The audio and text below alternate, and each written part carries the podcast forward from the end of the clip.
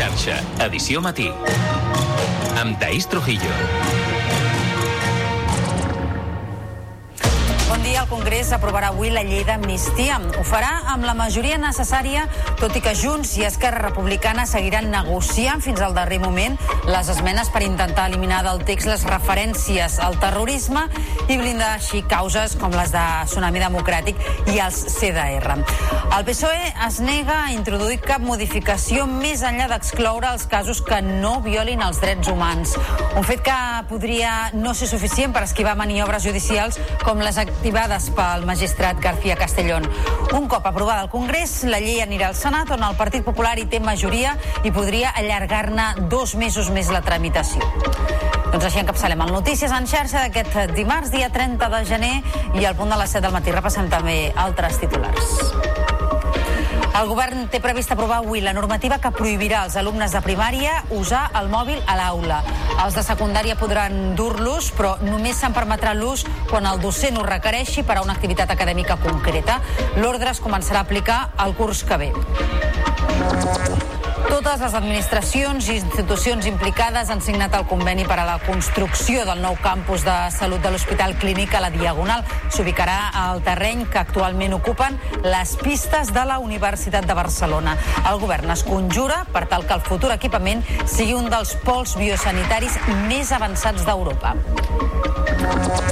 Desenes de persones s'han concentrat en les darreres hores davant de l'Ajuntament de Torroella de Montgrí per condemnar el crim d'una veïna del poble que va aparèixer morta aquest diumenge en un cotxe aparcat. El consistori, que ha decretat dos dies de dol oficial, exercirà l'acusació popular en el cas que el jutge manté sota secret d'actuacions.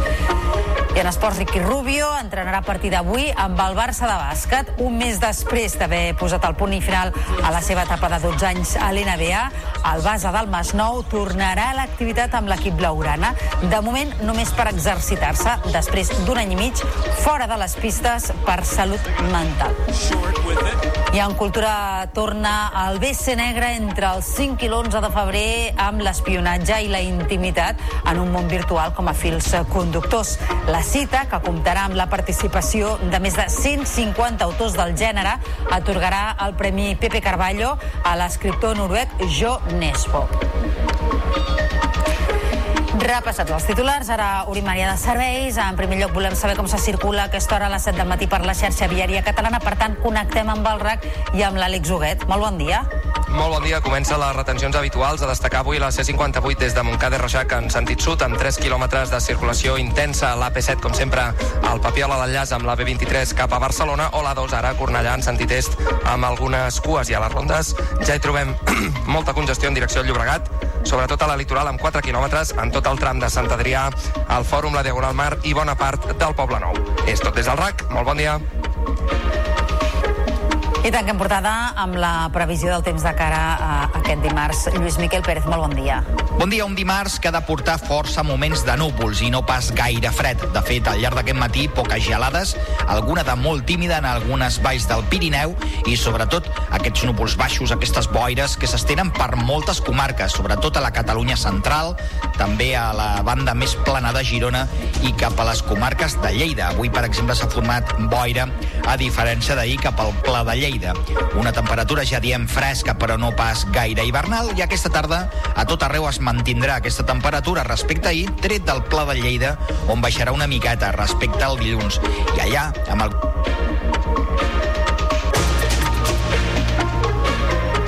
Notícies en xarxa, edició matí.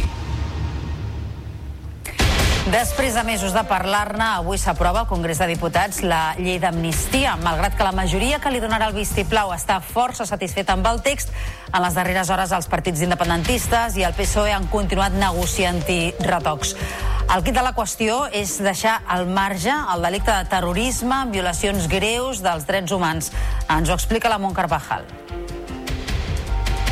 Els socialistes se senten còmodes amb el text actual de la llei, però admeten que fins dimarts a la tarda encara hi ha temps per fer retocs.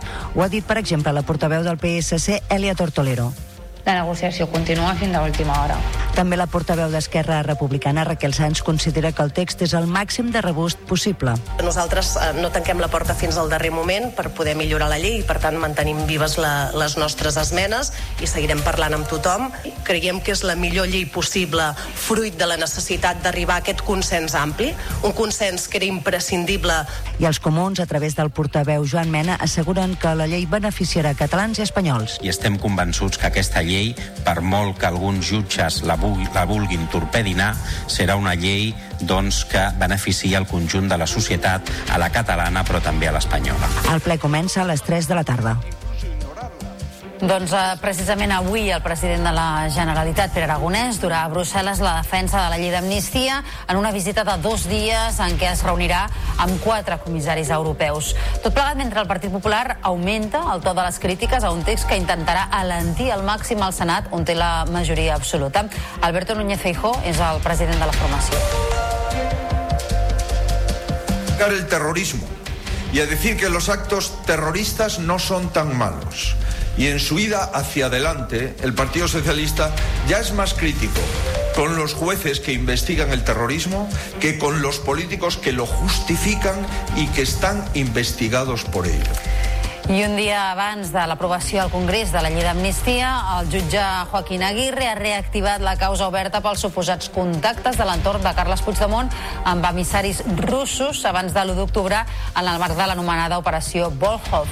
En un acte dictat aquest dilluns, el magistrat prorroga la causa durant sis mesos i obre la porta, encara que no l'esmenta en l'escrit, a imputar per alta traïció tant Puigdemont com els seus col·laboradors, un delicte que els impediria acollir-se a la futura llei d'amnistia. L'alta traïció implica concertar-se amb una potència estrangera per perjudicar Espanya. I avui se celebra a l'Audiència de Barcelona la segona sessió del judici contra quatre joves del Bages per haver participat en una concentració davant la Guàrdia Civil de Manresa. S'enfronten a penes de fins a 7 anys de presó. En la primera sessió, els Mossos van declarar que els van tirar pedres, ampolles de vidre, llaunes, material pirotècnic i també algun contenidor i que van tema per la seva integritat física. En canvi, un dels testimonis ha assegurat que els acusats no van llançar res, simplement estaven concentrats. Els fets es remunten al 16 d'octubre del 2019, en el marc de la Marxa per la Llibertat. I un apunt de política catalana. L'executiva de Junts ha expulsat la seva diputada del Parlament, Cristina Cassol, després que fos arxivada la seva denúncia per assetjament per raó de sexe. L'exclusió ha estat aprovada per majoria i amb 8 vots en contra. De tota manera, Casol no renunciarà a la seva acta i es mantindrà com a diputada no adscrita l'any que queda de legislatura. La diputada expulsada del grup de parlamentari de Junts era un dels membres de l'executiva l'executiva afins a la presidenta Laura Borràs.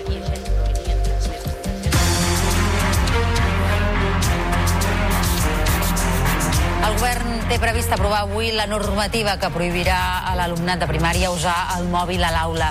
Els de secundària podran portar-los, però només se'n permetrà l'ús quan el docent ho requereixi per a una activitat acadèmica concreta.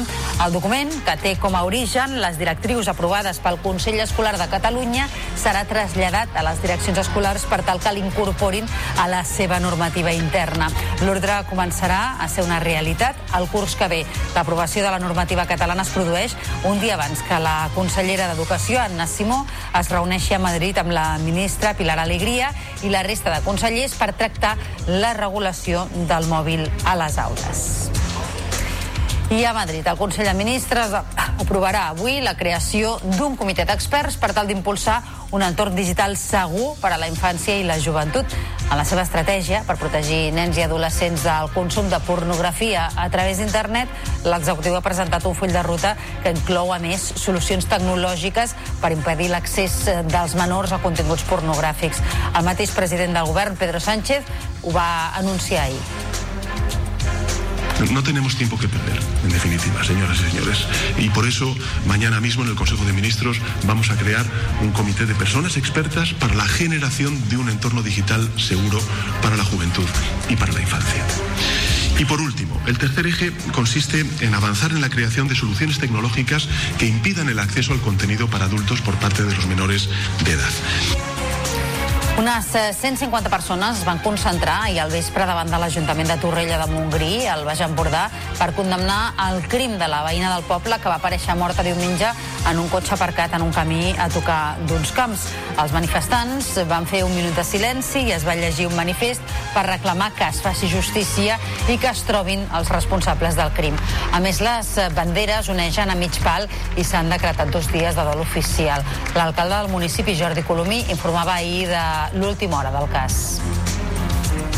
S'ha decretat el secret del sumari, tenim molt poca informació, eh, no tenim gaires més novetats dels que s'han anat explicant, per tant, esperar que aquestes, aquestes investigacions que porten creiem que, que bé la, la policia autonòmica, els Mossos d'Esquadra, doncs acabin el més aviat possible i s'aclareixi doncs, aquest assassinat per la tranquil·litat de tothom.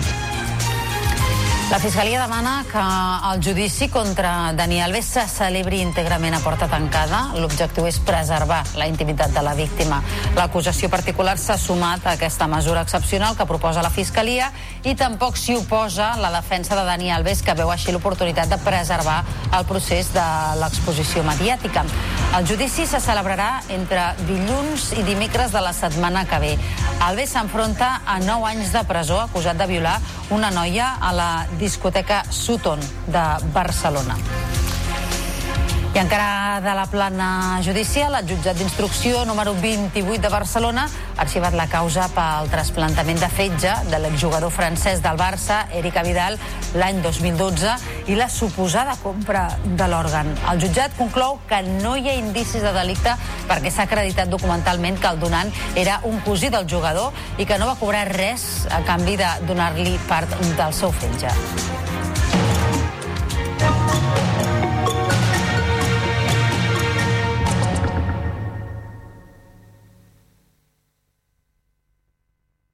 D'un quart de vuit del matí, falten 4 minuts, us expliquem que els agricultors i ramaders lleidatans preveuen mobilitzacions per la primera setmana de febrer en contra de la falta de control als productes fora de la Unió Europea i alhora dels alts costos i les normatives que hi ha a l'estat espanyol. Per això diuen prou i segurament el dia 5 de febrer serà l'escollit per tallar les principals carreteres. Es decidirà avui en una assemblea a Fondarella, al Pla d'Urgell. Tots els detalls en aquesta crònica de Lleida TV. També volen que revisin les condicions del salari mínim interprofessional, ja que per al sector agrari els impostos pugen un 35% i creuen necessari que es bonifiquin, ja que si no el pagès ha d'assumir novament tots els costos, una altra mesura que perjudica encara més al sector. No hi ha manera de que entenguin de que la situació del sector, del sector agroalimentari en general necessita tenir unes condicions específiques perquè continuï produint aliments. Fa molts mesos que s'està treballant amb de que hi hagi una aplicació de certs tipus de normativa que després acaben afectant al sector productor i que res tenim que veure que per produir un quilo necessites 13 documents per de burocràcia. Això és una aberració totalment i això s'ha de modificar sí o sí. Les mobilitzacions que tot indica s'iniciaran el 5 de febrer se sumaran a les que ja fa dies s'estan duent a terme a l'Estat i a la resta d'Europa. El Port de Barcelona ha duplicat en dos anys el subministrament de gas natural liquat. En total es van proveir 143.000 metres cúbics d'aquest combustible que redueix un 100% les emissions d'òxid de sofre, un 70% les de diòxid de nitrogen i un 20% les de CO2. Respecte al total de combustibles, el, el percentatge de subministrament de gas natural liquat a embarcacions comparat amb la resta de combustibles, s'ha enfilat fins al 5,8%. L'ús d'aquest gas s'emmarca en el Pla de Transició Energètica del Port de Barcelona, que vol reduir les emissions en un 50% l'any 2030 i esdevenir un port neutre en emissions al 2050. La policia marítima dels Mossos d'Esquadra tindrà una base al port de Mataró. El projecte reforçarà encara més la seguretat de les instal·lacions portuàries i forma part del nou desplegament d'aquesta unitat policial relativament jove que ara compta amb una cinquantena d'efectius a tot el país. Ens ho expliquen des de TV Mataró. La unitat, que actualment disposa de tres estacions nàutiques situades a Palamós, Vilanova i la Geltrú i l'Ametlla de Mar, preveu incrementar-ne el nombre i ubicar la quarta estació a la capital del Maresme, un espai central i estratègic de la costa barcelonina que cobrirà tota la franja marítima de la comarca. Primer, hi haurà un creixement de la policia marítima per estar fent una feina molt potent i segurament el creixement eh, vindrà justament aquí i eh, l'augment, el primer dels augments. Per tant, sí, sí, és una eventualitat que estem treballant i que hem de concretar quan serà possible. Un cop s'obri la base mataronina, a banda de dotar-la d'agents especialitzats, es disposarà d'embarcacions pròpies. Una de les tasques encomanades a la nova policia del mar és vigilar la costa, però sobretot donar assistència als usuaris i denunciar els comportaments que incompleixen la normativa de preservació de l'espai natural.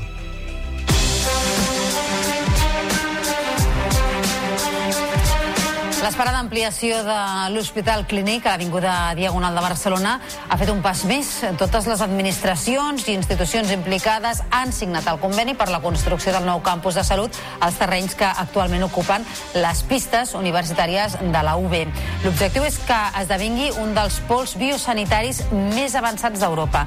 En té els detalls el Pol Pairó des de TV. Un acord amb la voluntat de ser un pol d'atracció de recerca i innovació, així com de millorar la qualitat sanitària i connectar Barcelona i l'Hospitalet amb l'àrea metropolitana. És així com el president de la Generalitat, Pere Aragonès, ha definit l'acord com més que un simple conveni. Avui aquestes signatures tracen, estan traçant el que és la Barcelona, el que és l'àrea metropolitana i el que és la Catalunya del futur a partir d'una realitat que vull posar en valor i vull reconèixer. L'Hospital Clínic de Barcelona és una institució sanitària no només de referència per Catalunya, sinó també a nivell europeu i a nivell global. Jaume Collboni, per la seva part, ha valorat l'impuls de l'MB en el que ha definit com un canvi de mentalitat per construir una ciutat sense perifèries millorant els serveis de proximitat de salut. El que ens demostra és que quan tenim una àrea metropolitana compromesa amb els projectes de país, quan tenim una àrea metropolitana que facilita, que demana i que suma, Catalunya se'n surt. Es preveu que la infraestructura es construeixi a l'espai que actualment ocupen les pistes esportives de la Universitat de Barcelona a la part de l'Avinguda Diagonal. I encara parlant d'infraestructures sanitàries, el conseller de Salut, Manel Balcells, ha inaugurat les noves urgències de l'Hospital de Berga, que entraran en funcionament aquest dijous. Disposen de més espai, més cabines d'atenció i espais més grans per millorar l'atenció als pacients. Les obres han tingut un cost proper als 3 milions d'euros i han durat un any i dos mesos. En té els detalls l'Héctor Aranda des de la televisió del Berguedà. Balcells ha destacat la tasca feta pel departament modernitzant l'hospital i especialment les urgències, que havien quedat obsoletes. En aquest sentit, ha anunciat que les inversions continuaran per tal de posar al dia l'Hospital de Berga. La transformació de l'hospital passava per la necessitat d'aquestes urgències i passa per la reforma dels quiròfans, passa per disposar d'una resonància nuclear magnètica, passa per les reformes estructurals necessàries. Per tant, amb el pla funcional, quan estigui fet, cal fer el projecte. A dia d'avui, en el pressupost d'aquest any, hi ha previst poder fer el projecte i un cop hi hagi el projecte ja disposarem d'un plurianual per poder fer les obres necessàries. El nou mòdul d'urgències disposa de zones aïllades per atendre pacients amb problemes respiratoris, sis bocs de triatge diàfans amb més espai per treballar que les velles seccions. També hi ha un box de reanimació doble, tres consultes ràpides i set ubicacions per observació de pacients fora dels bocs d'atenció. També compta amb els últims avenços en tecnologia mèdica, espais aïllats per tractaments específics i més lluminositat. Aquest migdia es reuniran representants dels tècnics sanitaris i del Departament de Salut per intentar desencallar el conflicte laboral que manté en vaga indefinida aquest col·lectiu des del 8 de gener. Els sindicats consideren l'AXA, el darrer document presentat per la Conselleria, ja que recull canvis organitzatius però no millores econòmiques. La darrera mobilització convocada pel Sindicat de Tècnics d'Infermeria i el Sindicat Estatal de Tècnics Superiors Sanitaris va ser el cap de setmana passat a Barcelona.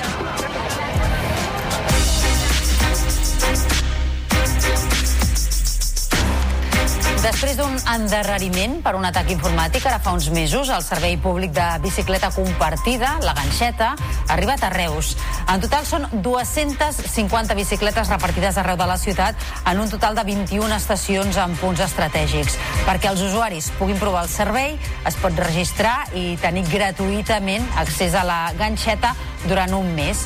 L'aplicació ja compta amb més de 500 usuaris registrats.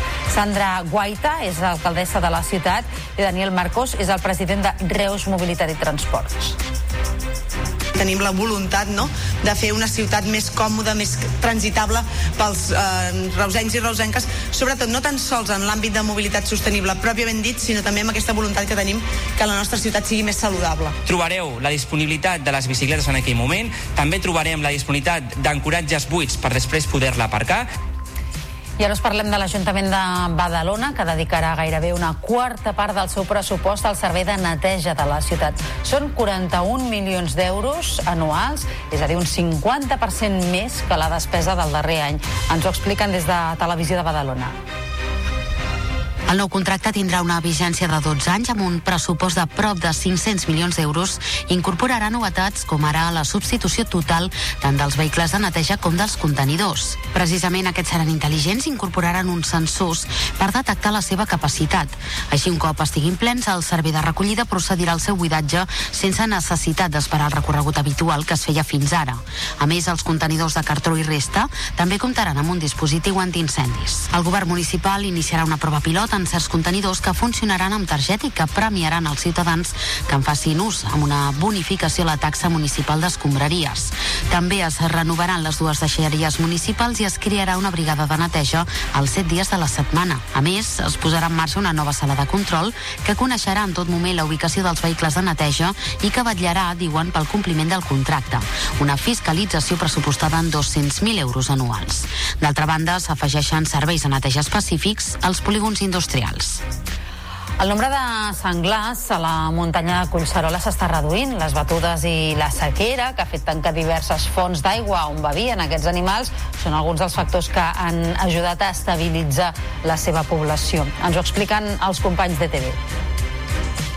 Segons la Societat de Caçadors de Sant Just d'Esvern, la densitat del port senglar ha passat de 17 a 7 de mitjana per hectàrea quadrada. Al final ha de ser una densitat que ens garanteixi que la població, que la població estigui estable dintre del parc, que el parc pugui abastir d'aliment tota aquesta, tota aquesta espècie, que no tingui la necessitat d'anar als pobles, d'anar als conreus, d'anar a, a buscar-se la vida fora del parc, i aquesta seria el, el, la foto perfecta, no? Una situació que té diversos motius per explicar-se. Primerament, la gran tasca duta a terme per als caçadors i el Pla Tècnic de la Generalitat ha estat un dels principals motius. Tot i aquestes relatives bones notícies, els caçadors hauran de mantenir alerta per als senglars en la zona de Collserola. A part, també han volgut destacar un altre animal que s'està recuperant i que, si bé de moment no representa cap perill, es mantindran atents per si no hi ha una superpoblació. Aquest animal no és altre que el cabirol.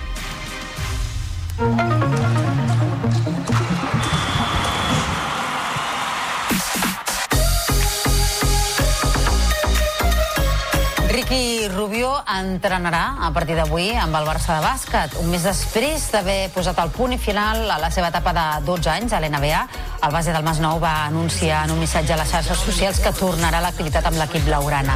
De moment només per exercitar-se, tot i que no es descarta que pugui acabar-se incorporant a la plantilla. En el comunicat, Rubio indica que aquest pas obre la fase final del seu procés de recuperació després d'un any i mig aturat per qüestions de salut mental. Sorgit del planter del joventut, Rubio ja havia militat al Barça entre els anys 2009 i 2011. La primera sessió a les ordres de Grimau serà aquest migdia en la prèvia del duel d'Eurolliga que enfrontarà demà l'equip i la Virtus de Bologna. I el Joventut rep la Poel de Tel Aviv en partit d'Eurocup en un duel que ha estat qualificat del risc per la situació de guerra a Gaza.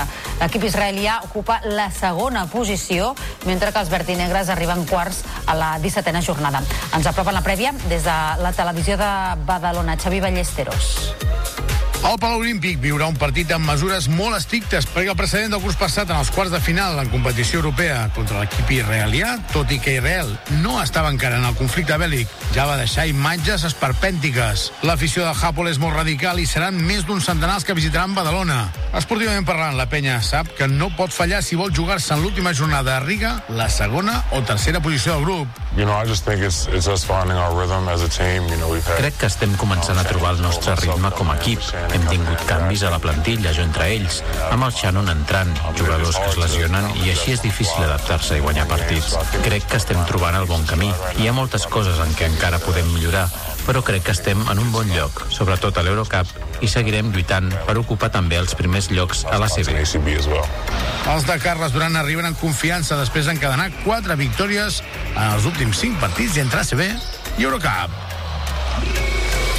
I avui tornarem a sentir a Xavi Hernández després de l'anunci del seu comiat a final de temporada. Serà en la prèvia del partit pendent de Lliga davant l'Ossassuna. Els Blaurana rebran els navarresos després d'enllaçar l'eliminació de Copa i la dolorosa derrota contra el Villarreal. En l'últim entrenament, Íñigo Martínez va fer part de la sessió amb el grup. També hi van participar els jugadors del filial, Marc Guiu, Pau Covarsí, Marc Casador, Ander Astralaga, Diego Cochen i Héctor Ford. I el futur de Luis Miguel Ramis a l'Espanyol penja d'un fil. La derrota contra l'Aldenc i la mala dinàmica de l'equip en les darreres setmanes que han deixat l'equip fora de l'ascens directe gairebé han esgotat la confiança en el tècnic. El club, però, ha decidit donar-li una última oportunitat que passa per sumar una victòria diumenge a casa contra el Llevant. En cas contrari, s'estudiaria fer un nou canvi d'entrenador.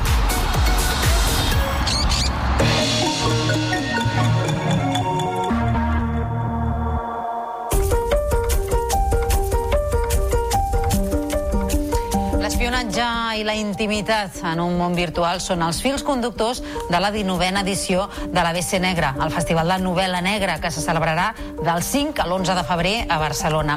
Amb el lema Espies com nosaltres, la trobada atorgarà el Premi Pepe Carballo a l'escriptor noruec John Espo. Una vessa negra d'espies no podia deixar d'anomenar la majoria de la seva cinquantena d'activitats amb el títol d'una novel·la de Graham Greene. Així a la conversa el cònsul honorari hi participarà l'escriptor Eduardo Mendoza i a L'americà tranquil hi haurà el reconegut novel·lista nord-americà Chris Offutt. També es farà per primera vegada cabaret a La Paloma amb Manual de supervivència, homenatge a Boris Vian, de la mà de Lluís Anton Baulenes i Pau Maine. I com a novetat s'organitzarà un trivial d'espies al Movie Bosque. Fins i tot hi haurà una taula rodona al voltant del cas Pegasus a la Biblioteca Jaume Fuster amb la participació del conseller Roger Torrent. Tot plegat, segons el comissari Carlos Tanon, per deixar clar que tots ens hem convertit en espies. Les noves tecnologies ens han fet que siguem espies tota l'estona dels demés i que haguessin regalat la nostra intimitat eh, per una qüestió lúdica i aleshores tota l'estona estem sent espiats. Una trobada amb més d'un centenar de convidats, entre ells el guanyador del Premi Pepe Carballo, el noruec John Esbo, que rebrà el guardó el dijous 8 de febrer al Saló de Cent de l'Ajuntament. I que també rebrà un premi és la il·lustradora Roser Capdevila, que en aquest cas rebrà el Premi Trajectòria de la 28a edició de l'Animac de Lleida. La mostra reconeix el seu llegat i la seva capacitat de crear obres significatives de la cultura popular, com la sèrie de dibuixos Les Tres Bessones, que han passat del paper a la pantalla i que ja formen part de l'imaginari col·lectiu del país. Capdevila recollirà el guardó en l'acte de cluenda del certamen que es durà a terme diumenge 18 de febrer a la llotja de Lleida.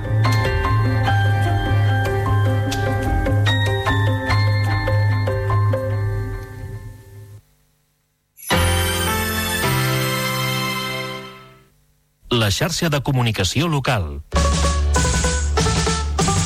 Propostes en xarxa. Pessimistes ja deveu estar pensant en la quaresma, que aquest any arriba força d'hora. Però abans de les set setmanes més llargues, heu de deixar les penes a casa i sortir al carrer per donar-ho tot per carnestoltes. Sàtira, ploma i tradició són els elements imprescindibles del Carnaval de Tarragona, que durant més d'una setmana s'instal·la a la ciutat per capgirar-ho tot. Entre el 2 i el 13 de febrer, el rei de la disbauxa omple de música i color els carrers tarragonins per protagonitzar la seva festa, alhora que ens convida a tastar la llibertat i a criticar l'ordre social. Un dels punts àlgids, la Rua de l'Artesania i la de Lluïment, però no hi faltaran concerts i bona teca. Ara bé, a la programació hi trobareu actes per a tots els gustos, des d'un clàssic com la disfressador fins a l'enterrament, tot passant pel vestiment de la bota, les coques de llardons i la botifarra d'ou de dijous gras, o la vetlla del rei i la concubina. També propostes més noves com la farra dels ninots, la baixada del pajarito o el concurs de drag queens. 2 al 13 de febrer, el Carnaval de Tarragona omple la ciutat de sàtira, ploma i tradició. En trobareu tots els detalls al web municipal carnaval.tarragona.cat.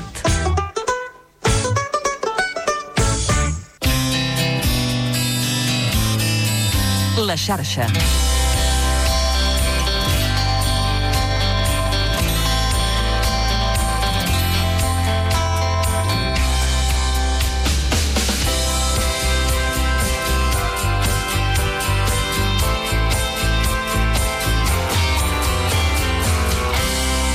Xarxa de comunicació local.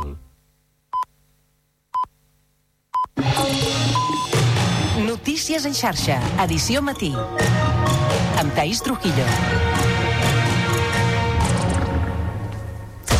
Dia, són dos quarts de vuit del matí i avui encapçarem el Notícies en xarxa amb la llei d'amnistia que s'aprovarà aquest dimarts al Congrés. Passarà el tràmit amb la majoria necessària, tot i que Junts i Esquerra Republicana seguiran negociant fins al darrer moment les esmenes per intentar eliminar del text les referències al terrorisme i blindar així causes com les de Tsunami Democràtic i els CDR. El PSOE es nega a introduir cap modificació més enllà d'excloure els casos que no violin els drets humans. És un fet que podria no ser suficient per esquivar maniobres judicials com les activades pel magistrat García Castellón. Un cop aprovada al Congrés, la llei anirà al Senat on el PP hi té majoria i podria allargar-ne dos mesos més la tramitació. De seguida us ho ampliem, abans repassem també altres titulars d'aquest dimarts 30 de gener. El govern té previst aprovar avui la normativa que prohibirà als alumnes de primària usar el mòbil a l'aula. Els de secundària podran dur-los, però només se'n permetrà l'ús quan el docent ho requereixi per a una activitat acadèmica concreta. L'ordre es començarà a aplicar el curs que ve. Totes les administracions i institucions implicades han signat el conveni per a la construcció del nou campus de salut de l'Hospital Clínic a la Diagonal. S'ubicarà al terreny que actualment ocupen les pistes de la Universitat de Barcelona. El govern es conjura per tal que el futur equipament sigui un dels pols biosanitaris més avançats d'Europa. I en els propers minuts parlarem amb Eduard Gil, que és director del Clúster Audiovisual de Catalunya, perquè avui arrenca el recinte de Fira Barcelona Gran Via l'ICE, la major fira audiovisual del món. Durant aquests quatre dies s'hi abordaran tendències clau en el sector que passen per la revolució dels platós de producció virtual, l'impuls de les experiències immersives i l'auge dels avatars. Desenes de persones s'han concentrat a les darreres hores davant de l'Ajuntament de Torroella de Montgrí per condemnar el crim d'una veïna del poble que va aparèixer morta aquest diumenge en un cotxe aparcat. El consistori, que ha decretat dos dies de dol oficial, exercirà l'acusació popular en el cas que el jutge manté sota secret d'actuacions. En esports, Ricky Rubio entrenarà a partir d'avui amb el Barça de bàsquet, un mes després d'haver posat el punt final a la seva etapa de 12 anys a l'NBA, el base del Masnou tornarà a l'activitat amb l'equip blaugrana. De moment només per exercitar-se, després de mesos fora de les pistes per qüestions de salut mental. En cultura torna al BC Negre entre el 5 i l'11 de febrer amb l'espionatge i la intimitat, tant un món virtual com a fils conductors. La cita, que comptarà amb la participació de més de 150 autors del gènere, atorgarà el Premi Pepe Carballo a l'escriptor noruec Jo Nesbo. Repassats els titulars, ara obrim plana de serveis. Comencem amb el trànsit. Segons el RAC, augmenten les cues a l'àrea metropolitana. A la 2 des de Pallejà cap a Barcelona i entre Sant Joan d'Espí i Cornellà. I a la B23 entre Molins i Sant Feliu de Llobregat també cap a la capital catalana. El tram habitual de Montcada i Reixac a la C58 també registra lentitud en els dos sentits i a les rondes és on hi ha més moviments, molt carregada a la litoral, en els dos sentits des de Sant Adrià i a l'A de Dalt 5 quilòmetres de cues en sentit Llobregat fins a la Vall d'Hebron. I ara la previsió del temps de cara a aquest dimarts. Els núvols s'estendran avui per moltes comarques com la Catalunya central, les de Lleida i les del litoral de Girona, però no plourà ni farà fred. Hi haurà algunes gelades al Pirineu. Notícies en xarxa, edició matí. Després de mesos de parlar-ne, avui s'aprova al Congrés de Diputats la llei de l'amnistia malgrat que la majoria que li donarà el vistiplau està força satisfeta amb el text, a les darreres hores els partits independentistes i el PSOE han continuat negociant-hi retocs. El que té la qüestió és deixar al marge el delicte de terrorisme amb violacions greus dels drets humans. Ens ho explica la Mont Carvajal. Els socialistes se senten còmodes amb el text actual de la llei, però admeten que fins dimarts a la tarda encara hi ha temps per fer retocs. Ho ha dit, per exemple, la portaveu del PSC, Elia Tortolero. La negociació continua fins a última hora. També la portaveu d'Esquerra Republicana, Raquel Sáenz, considera que el text és el màxim de rebust possible. Nosaltres eh, no tanquem la porta fins al darrer moment per poder millorar la llei i, per tant, mantenim vives la, les nostres esmenes i seguirem parlant amb tothom. Creiem que és la millor llei possible fruit de la necessitat d'arribar a aquest consens ampli, un consens que era imprescindible. I els comuns, a través del portaveu Joan Mena, asseguren que la llei beneficiarà catalans i espanyols. I estem convençuts que aquesta llei, per molt que alguns jutges la, vulgui, la vulguin torpedinar, serà una llei doncs, que beneficia el conjunt de la societat, a la catalana però també a l'espanyola. El ple comença a les 3 de la tarda. Doncs precisament avui el president de la Generalitat, Pere Aragonès, durà a Brussel·les la defensa de la llei d'amnistia en una visita de dos dies en què es reunirà amb quatre comissaris europeus. Tot plegat mentre el Partit Popular augmenta el to de les crítiques a un text que intentarà alentir al màxim al Senat on hi té la majoria absoluta. Alberto Núñez Feijóo és el president de la formació. Han llegado a justificar el terrorismo y a decir que los actos terroristas no son tan malos. Y en su ida hacia adelante, el Partido Socialista ya es más crítico con los jueces que investigan el terrorismo que con los políticos que lo justifican y que están investigados por ello. I un dia abans de l'aprovació al Congrés de la llei d'amnistia, el jutge Joaquín Aguirre ha reactivat la causa oberta pels suposats contactes de l'entorn de Carles Puigdemont amb emissaris russos abans de l'1 d'octubre en el marc de l'anomenada operació Volhov. En un acte dictat aquest dilluns, el magistrat prorroga la causa durant sis mesos i obre la porta, encara que no l'esmenta en l'escrit, a imputar per alta traïció tant Puigdemont com els seus col·laboradors. Un delicte que els impediria acollir-se a la futura llei d'amnistia. L'alta traïció implica concertar-se amb una potència estrangera per tal de perjudicar un estat, en aquest cas l'espanyol. I avui se celebra a l'Audiència de Barcelona la segona sessió de judici contra quatre joves del Bages per haver participat en una concentració davant la Guàrdia Civil de Manresa. S'enfronten a penes de fins a 7 anys de presó.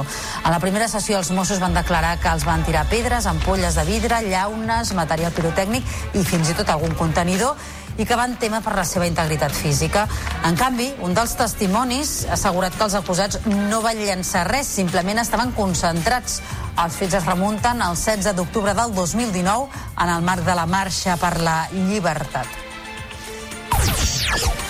I un apunt. En política catalana, l'executiva de Junts ha expulsat la seva diputada del Parlament, Cristina Casol, després que fos arxivada la seva denúncia per assetjament per raó de sexe.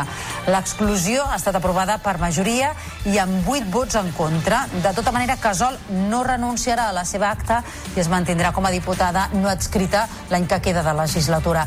La diputada expulsada del grup parlamentari de Junts era un dels membres de l'executiva afins a la presidenta Laura Borràs.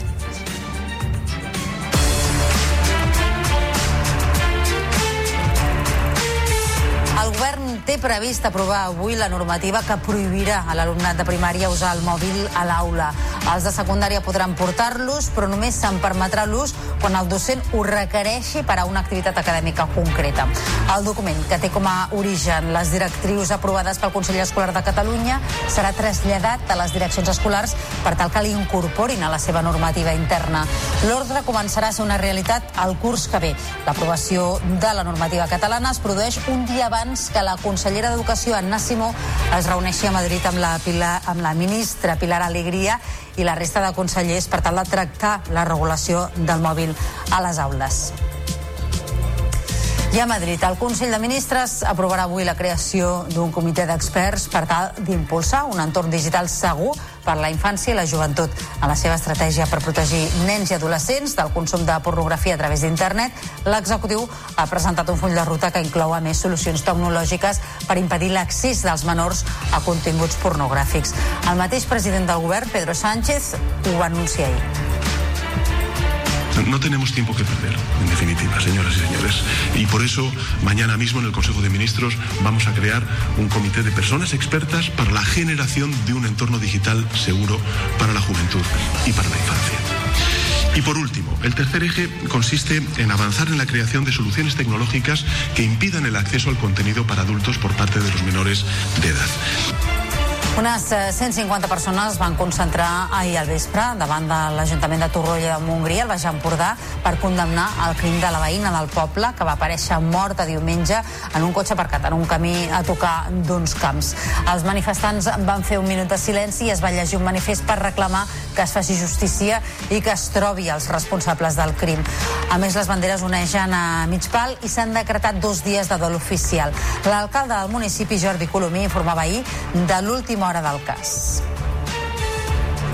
S'ha decretat el secret del sumari, tenim molt poca informació, eh, no tenim gaires més novetats dels que s'han anat explicant, per tant, esperar que aquestes, aquestes investigacions que porten creiem que, que bé la, la policia autonòmica, els Mossos d'Esquadra, doncs acabin el més aviat possible i s'aclareixi doncs, aquest assassinat per la tranquil·litat de tothom. La Fiscalia demana que el judici contra Dani Alves se celebri íntegrament a porta tancada. L'objectiu és preservar la intimitat de la víctima. La possessió particular s'ha sumat a aquesta mesura excepcional que proposa la Fiscalia i tampoc s'hi oposa la defensa de Dani Alves, que veu així l'oportunitat de preservar el procés de l'exposició mediàtica. El judici es farà entre dilluns i dimecres de la setmana que ve. Alves s'enfronta a 9 anys de presó acusat de violar una noia a la discoteca Sutton de Barcelona. I encara a la plana judicial, el jutjat d'instrucció número 28 de Barcelona ha arxivat la causa pel trasplantament de fetge de l'exjugador francès del Barça, Eric Vidal, l'any 2012 i la suposada compra de l'òrgan.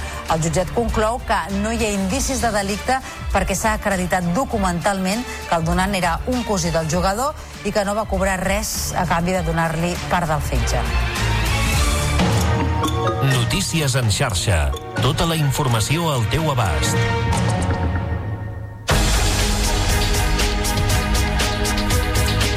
Els agricultors i ramaders lleidatans preveuen mobilitzacions per la primera setmana de febrer en contra de la falta de control als productes de fora de la Unió Europea i alhora els alts costos i les normatives que hi ha a l'estat espanyol. Per això diuen prou i segurament el dia 5 de febrer serà l'escollit per tallar les principals carreteres. Es decidirà avui en una assemblea a Fondarella, al Pla d'Urgell. Tots els detalls en aquesta crònica de Lleida TV. També volen que revisin les condicions del salari mínim interprofessional, ja que per al sector agrari els impostos pugen un 35% i creuen necessari que es bonifiquin, ja que si no el pagès ha d'assumir novament tots els costos, una altra mesura que perjudica encara més al sector. No hi ha manera de que entenguin de que la situació del sector, del sector agroalimentari en general necessita tindre unes condicions específiques perquè continuï produint aliments. Fa molts mesos que s'està treballant amb de que hi hagi una aplicació de certs tipus de normativa que després acaben afectant al sector productor i que res tenen que veure que per produir, un quilo necessites 13 documents per de burocràcia. Això és una aberració totalment i això s'ha de modificar sí o sí. Les mobilitzacions, que tot indica s'iniciaran el 5 de febrer, se sumaran a les que ja fa dies s'estan duent a terme a l'Estat i a la resta d'Europa. El Port de Barcelona ha duplicat en dos anys el subministrament de gas natural liquat En total es van proveir 143.000 metres cúbics d'aquest combustible que redueix un 100% les emissions d'òxid de sofre i un 70% les de diòxid de nitrogen i un 20% les de CO2. El percentatge de subministrament de gas natural liquat a embarcacions respecte del total de combustibles s'ha enfilat fins al 5,8%.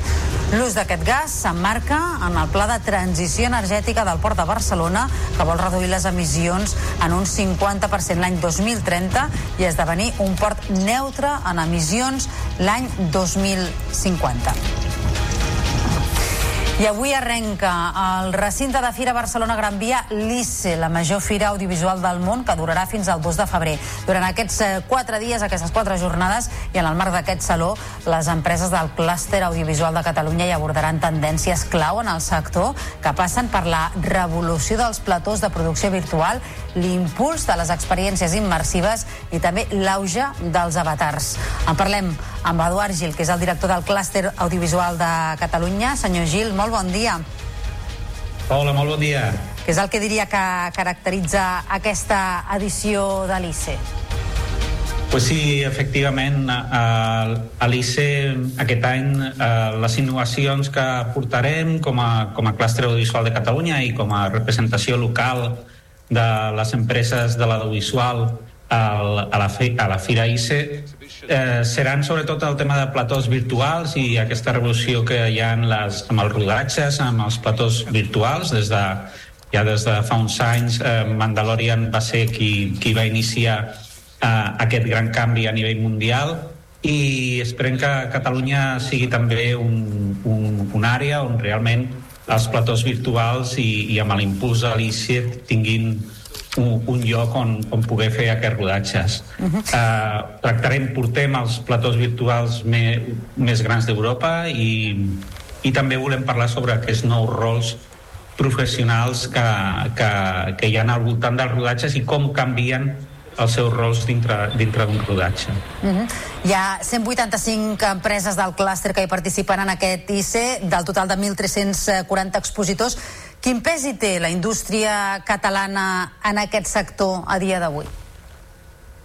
La indústria catalana té un ecosistema eh, audiovisual molt potent. Aquesta és una de les raons per les quals l'ICE també està aquí a Catalunya. Mm, només el clúster, per exemple, és un dels clústers més grans d'Europa, són ja 185 empreses totes catalanes i, i dintre de l'ICE nosaltres vam acompanyar ja des de l'ICE està aquí, va, va va aterrar a Barcelona en plena pandèmia, eh, està aquí ja des de, des de l'any 2020, i, i hem anat acompanyant durant aquests anys el creixement d'aquest ICE.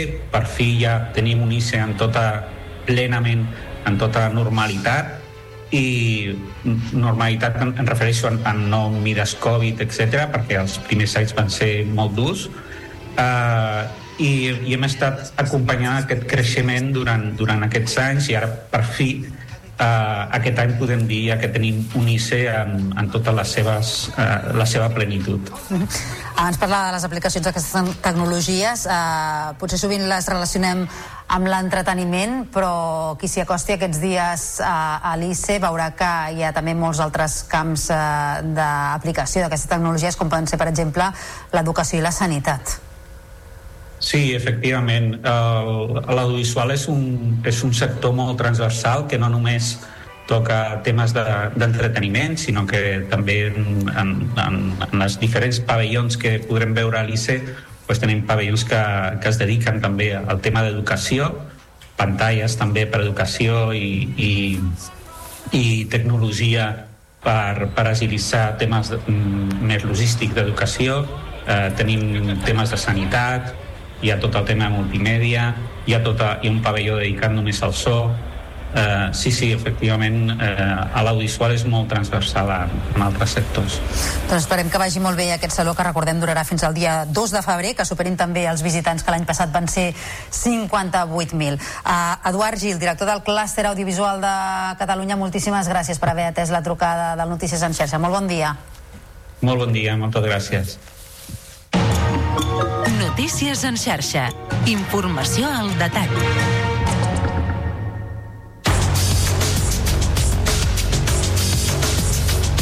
L'espera d'ampliació de l'Hospital Clínic a l'Avinguda Diagonal de Barcelona ha fet un pas més. Totes les administracions i institucions implicades han signat el conveni per la construcció del nou campus de salut als terrenys que actualment ocupen les pistes universitàries de la UB. L'objectiu és que esdevingui un dels pols biosanitaris més avançats d'Europa. En té els detalls el Pol Peiro, des DTV. Un acord amb la voluntat de ser un pol d'atracció de recerca i innovació, així com de millorar la qualitat sanitària i connectar Barcelona i l'Hospitalet amb l'àrea metropolitana. És així com el president de la Generalitat, Pere Aragonès, ha definit l'acord com més que un simple conveni. Avui aquestes signatures tracen, estan traçant el que és la Barcelona, el que és l'àrea metropolitana i el que és la Catalunya del futur a partir d'una realitat que vull posar en valor i vull reconèixer. L'Hospital Clínic de Barcelona és una institució sanitària no només de referència per Catalunya, sinó també a nivell europeu i a nivell global. Jaume Collboni, per la seva part, ha valorat l'impuls de l'AMB en el que ha definit com un canvi de mentalitat per construir una ciutat sense perifèries millorant els serveis de proximitat de salut. El que ens demostra és que quan tenim una àrea metropolitana compromès amb els projectes de país, quan tenim una àrea metropolitana que facilita, que demana i que suma, Catalunya se'n surt. Es preveu que la infraestructura es construeixi a l'espai que actualment ocupen les pistes esportives de la Universitat de Barcelona a la part alta de l'Avinguda Diagonal.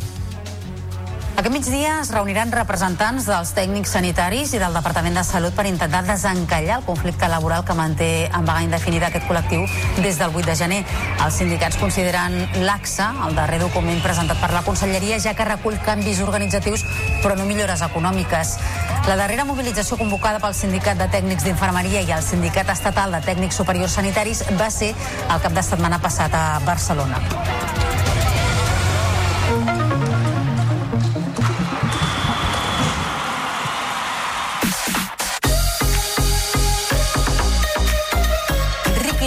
Entrenarà a partir d'avui amb el Barça de bàsquet. Un mes després d'haver posat el punt final a la seva etapa de 12 anys a l'NBA, el base del Masnou va anunciar en un missatge a les xarxes socials que tornarà a l'activitat amb l'equip blaugrana.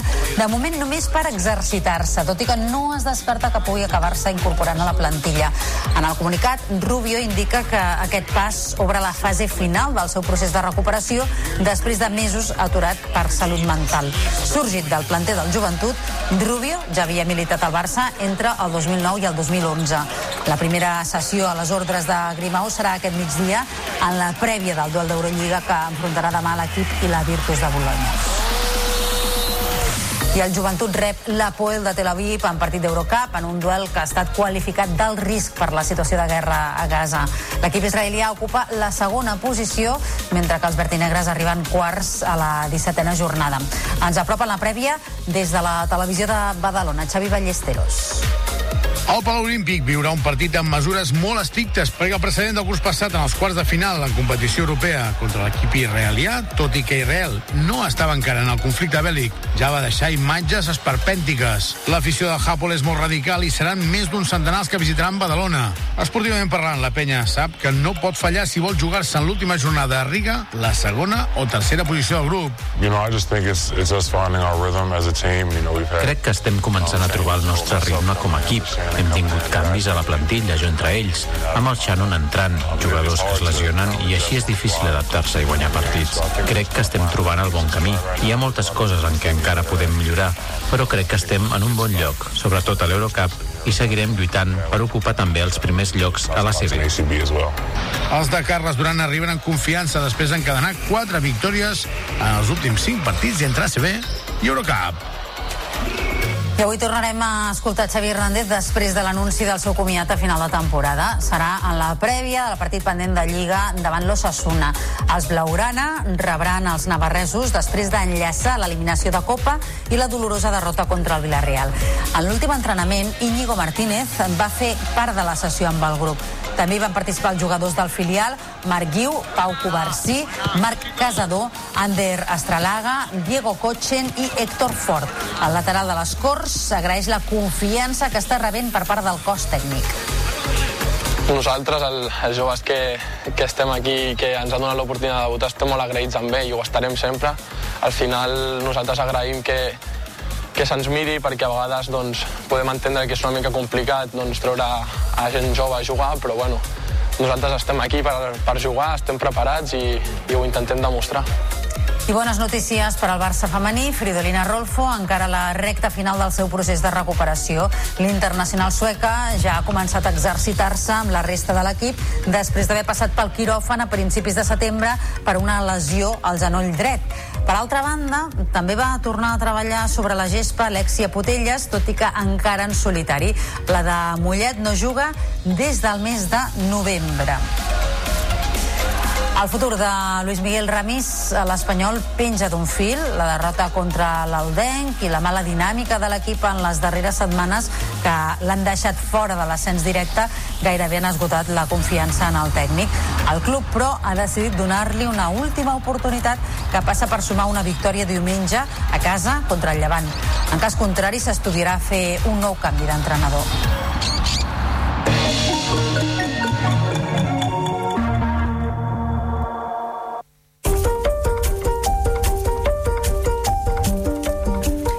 L'espionatge i la intimitat en un món virtual són els fils conductors de la 19a edició de la Bessa Negra, el Festival de Novel·la Negra, que se celebrarà del 5 a l'11 de febrer a Barcelona.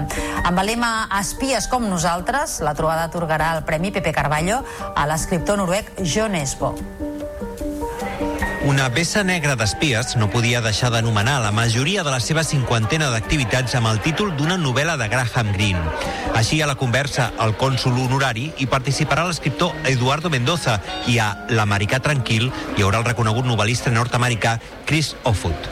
També es farà per primera vegada cabaret a La Paloma amb Manual de Supervivència, homenatge a Boris Vian, de la mà de Lluís Anton Baulenes i Pau Mainé. I com a novetat s'organitzarà un trivial d'espies al Movie Bosque. Fins i tot hi haurà una taula rodona al voltant del cas Pegasus a la Biblioteca Jaume Fuster amb la participació del conseller Roger Torrent. Tot plegat, segons el comissari Carlos Tanon, per deixar clar que tots ens hem convertit en espies. Les noves tecnologies ens han fet que siguem espies tota l'estona dels demés i que haguessin regalat la nostra intimitat eh, per una qüestió lúdica i aleshores tota l'estona estem sent espiats. Una trobada amb més d'un centenar de convidats, entre ells el guanyador del Premi Pepe Carballo, el noruec John Esbo, que rebrà el guardó el dijous 8 de febrer al Saló de Cent de l'Ajuntament. I Terrassa acull aquests dies la quarta edició del Sex Education Film Festival, el primer festival internacional de cinema dedicat a l'educació sexual. Se celebra fins dimecres al Cinema Catalunya, però també online. En total es podrà veure una selecció de 45 curtmetratges sobre diferents temàtiques relacionades amb la sexualitat humana. Ens ho expliquen des de la televisió de Terrassa.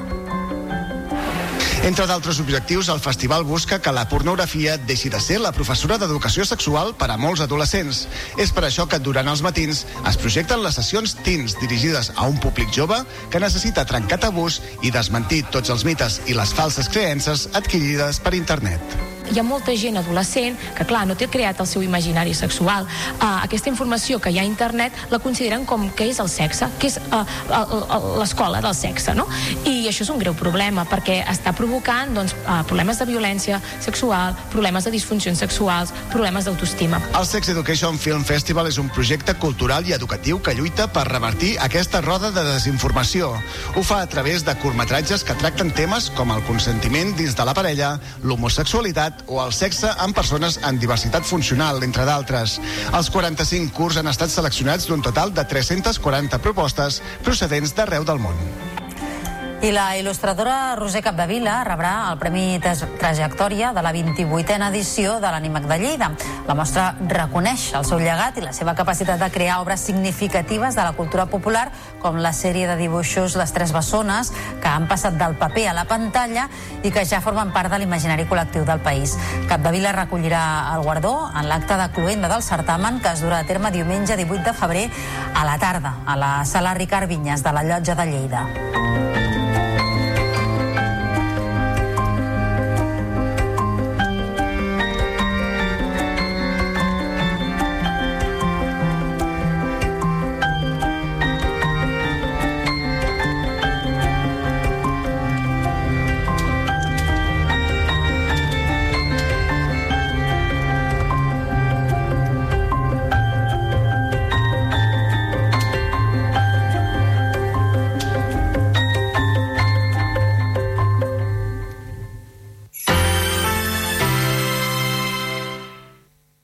Xarxa de comunicació local.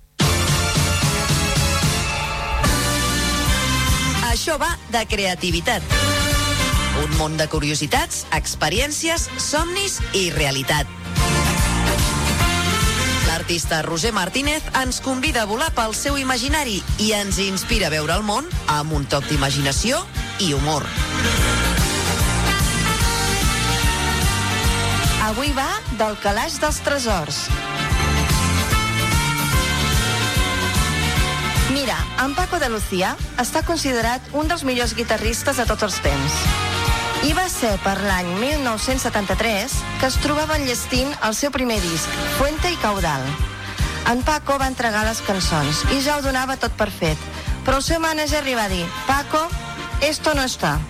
No podien tancar el disc perquè faltava omplir un espai. Buf, i ara què diu en Paco? Va haver d'improvisar correcuita una cançó. Per sort, en tenia vàries al fons del seu calaix dels tresors. Estaven sense acabar. Va buscar quina podia encaixar millor i li va donar forma per adaptar-la al nou disc. Aquella cançó que va sortir d'un pilot que no havia donat importància, que la va forçar per poder fer el llançament del seu primer disc, resulta que es va convertir en el seu gran èxit i segurament la cançó més famosa de Paco de Lucía. La cançó Entre dos aguas. Et sona, oi? Doncs queda't amb el missatge. No descartis idees que hagis tingut en el passat, perquè mai se sap si arribarà el moment que sí seran bones. La creativitat és capritxosa i no sempre apareix en el moment que s'ha de materialitzar. Però és important tenir un calaix de tresors per recórrer quan ho necessites.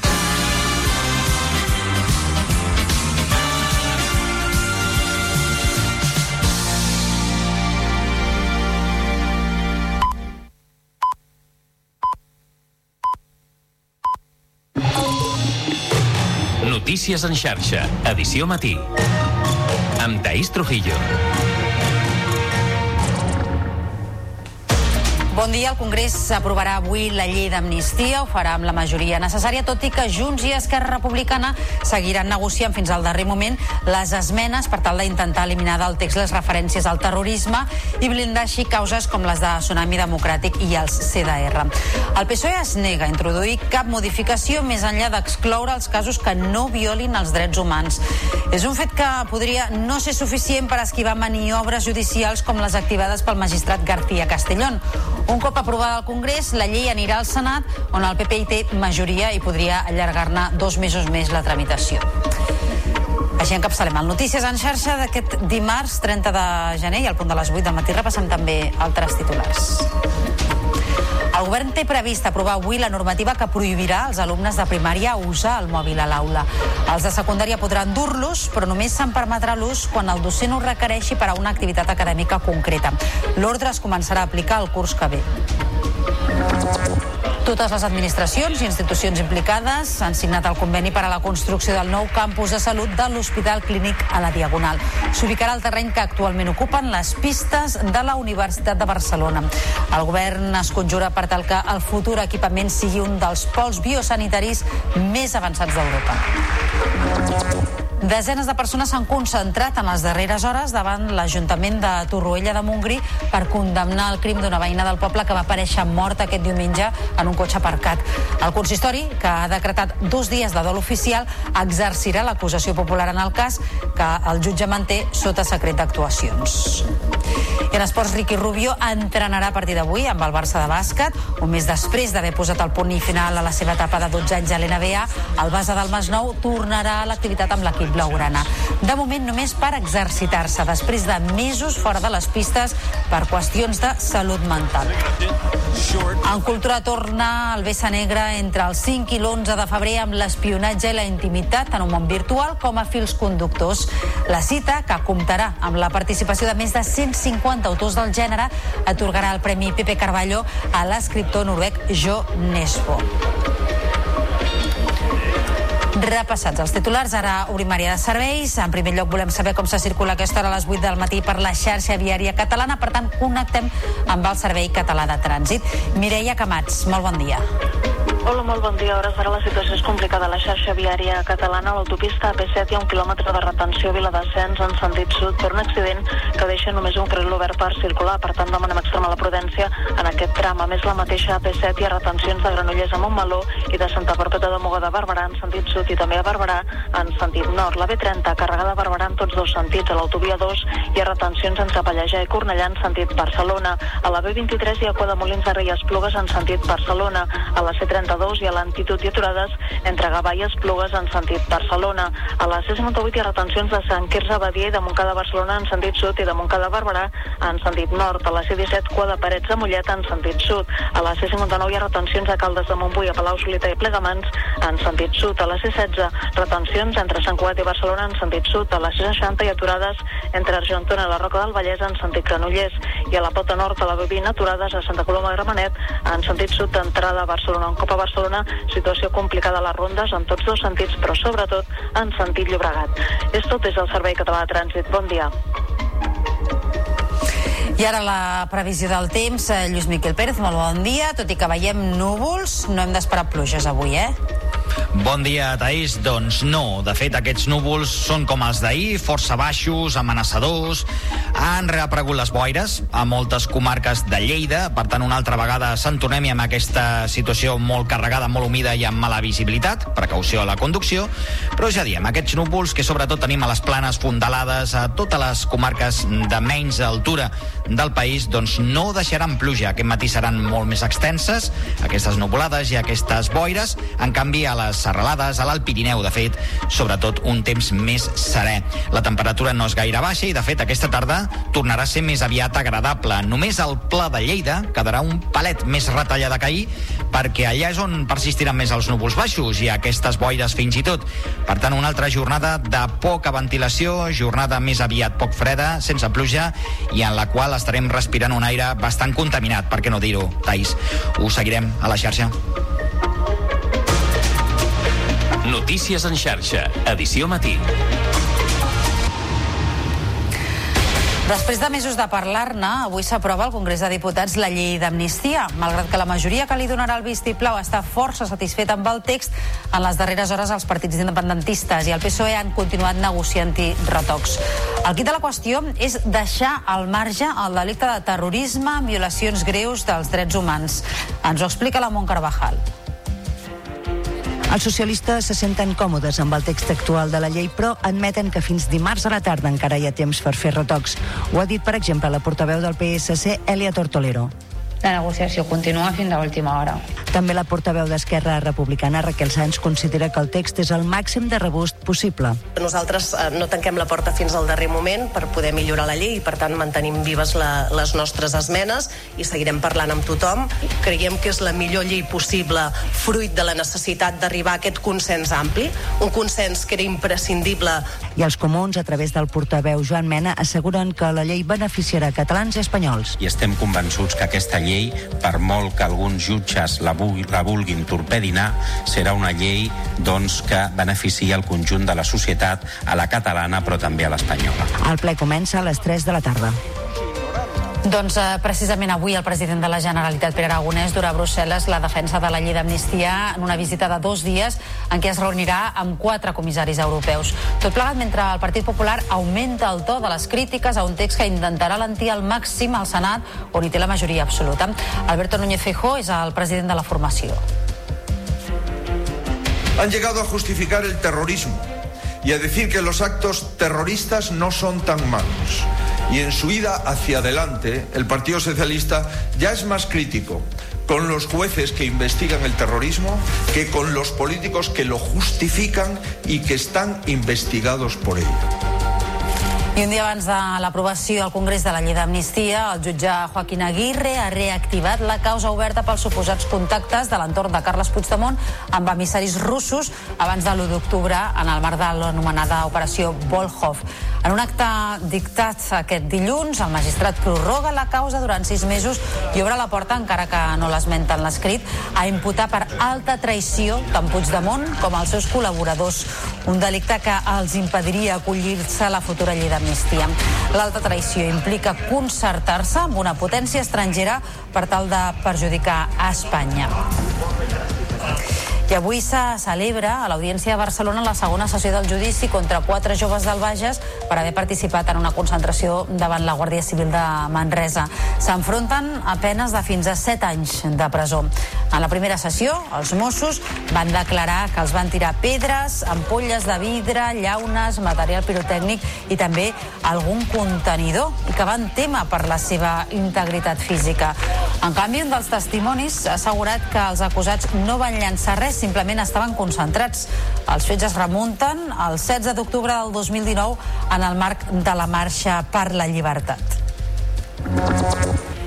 I un apunt de política catalana. L'executiva de Junts ha expulsat la seva diputada del Parlament, Cristina Casol, després que fos arxivada la seva denúncia per assetjament per raó de sexe. L'exclusió ha estat aprovada per majoria i amb 8 vots en contra.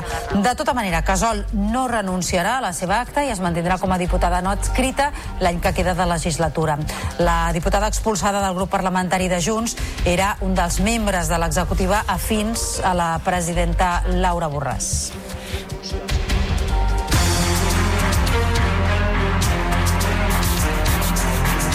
8 i 8 minuts del matí, el govern té previst aprovar avui la normativa que prohibirà a l'alumnat de primària usar el mòbil a l'aula. Els de secundària podran portar-los, però només se'n permetrà l'ús quan el docent ho requereixi per a una activitat acadèmica concreta. El document, que té com a origen les directrius aprovades pel Consell Escolar de Catalunya, serà traslladat a les direccions escolars per tal que l'incorporin a la seva normativa interna. L'ordre començarà a ser una realitat al curs que ve. L'aprovació de la normativa catalana es produeix un dia abans que la consellera d'Educació, Anna Simó, es reuneixi a Madrid amb la ministra Pilar Alegria i amb la resta de consellers per tal de tractar la regulació del mòbil a les aules. I a Madrid, el Consell de Ministres aprovarà avui la creació d'un comitè d'experts per tal d'impulsar un entorn digital segur per la infància i la joventut en la seva estratègia per protegir nens i adolescents del consum de pornografia a internet. L'executiu ha presentat un full de ruta que inclou a més solucions tecnològiques per tal d'impedir l'accés dels menors a aquests continguts pornogràfics. El mateix president del govern, Pedro Sánchez, ho va anunciar ahir. No, tenemos tiempo que perder, en definitiva, señoras y señores. Y por eso, mañana mismo en el Consejo de Ministros vamos a crear un comité de personas expertas para la generación de un entorno digital seguro para la juventud y para la infancia. Y por último, el tercer eje consiste en avanzar en la creación de soluciones tecnológicas que impidan el acceso al contenido para adultos por parte de los menores de edad. Unes 150 persones es van concentrar ahir al vespre a l'Ajuntament de Torroella de Montgrí, al Baix Empordà, per condemnar el crim de la veïna del poble que va aparèixer morta diumenge en un cotxe aparcat en un camí a tocar d'uns camps. Els manifestants van fer un minut de silenci i es va llegir un manifest per reclamar que es faci justícia i que es trobi els responsables del crim. A més, les banderes onegen a mig pal i s'han decretat dos dies de dol oficial. L'alcalde del municipi, Jordi Colomí, informava ahir de l'última hora del cas. S'ha decretat el secret del sumari, tenim molt poca informació, eh, no tenim gaires més novetats dels que s'han anat explicant, per tant, esperar que aquestes, aquestes investigacions que porten creiem que, que bé la, la policia autonòmica, els Mossos d'Esquadra, doncs acabin el més aviat possible i s'aclareixi doncs, aquest assassinat per la tranquil·litat de tothom. La Fiscalia demana que el judici contra Dani Alves se celebri íntegrament a porta tancada. L'objectiu és preservar la intimitat de la víctima. L'acusació particular s'ha sumat a aquesta mesura excepcional que proposa la Fiscalia i tampoc s'hi oposa la defensa de Dani Alves, que veu així l'oportunitat de preservar el procés de l'exposició mediàtica. El judici es farà entre dilluns i dimecres de la setmana que ve. Alves s'enfronta a 9 anys de presó, acusat de violar una noia a la discoteca Sutton de Barcelona.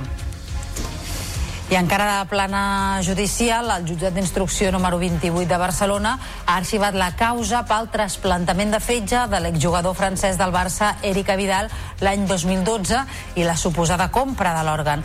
El jutjat conclou que no hi ha indicis de delicte perquè s'ha acreditat documentalment que el donant era un cosí del jugador i que no va cobrar res a canvi de donar-li part del fetge.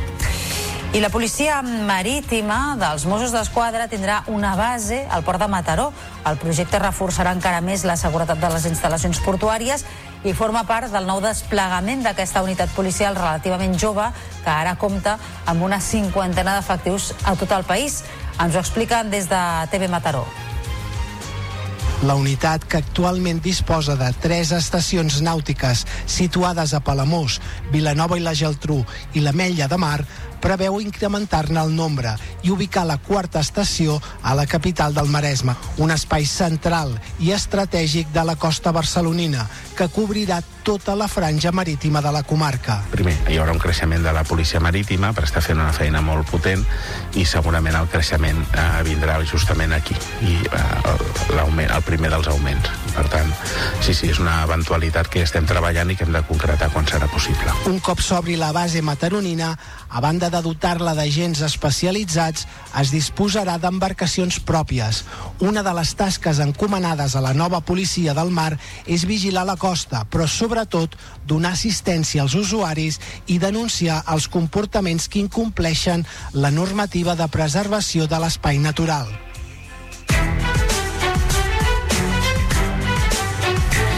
Pràcticament un quart de nou del matí, els agricultors i ramaders lleidatans preveuen mobilitzacions per la primera setmana de febrer en contra de la falta de control als productes fora de la Unió Europea i alhora els alts costos i normatives que hi ha a l'estat espanyol. Per això diuen prou i segurament el dia 5 de febrer serà l'escollit per tallar les principals carreteres. Es decidirà avui en una assemblea a Fondarella, al Pla d'Urgell. Tots els detalls en aquesta crònica de Lleida TV. També volen que revisin les condicions del salari mínim interprofessional, ja que per al sector agrari els impostos pugen un 35% i creuen necessari que es bonifiquin, ja que si no el pagès ha d'assumir novament tots els costos, una altra mesura que perjudica encara més al sector. No hi ha manera de que entenguin de que la situació del sector, del sector agroalimentari en general necessita tindre unes condicions específiques perquè continuï produint aliments. Fa molts mesos que s'està treballant amb de que hi hagi una aplicació de certs tipus de normativa que després acaben afectant al sector productor i que res tenen que veure que per produir, un quilo necessites 13 documents per de burocràcia. Això és una aberració totalment i això s'ha de modificar sí o sí. Les mobilitzacions, que tot indica s'iniciaran el 5 de febrer, se sumaran a les que ja fa dies s'estan duent a terme a l'Estat i a la resta d'Europa. Avui arrenca el recinte de Fira Barcelona Gran Via l'ICE, la major fira audiovisual del món que durarà fins al 2 de febrer.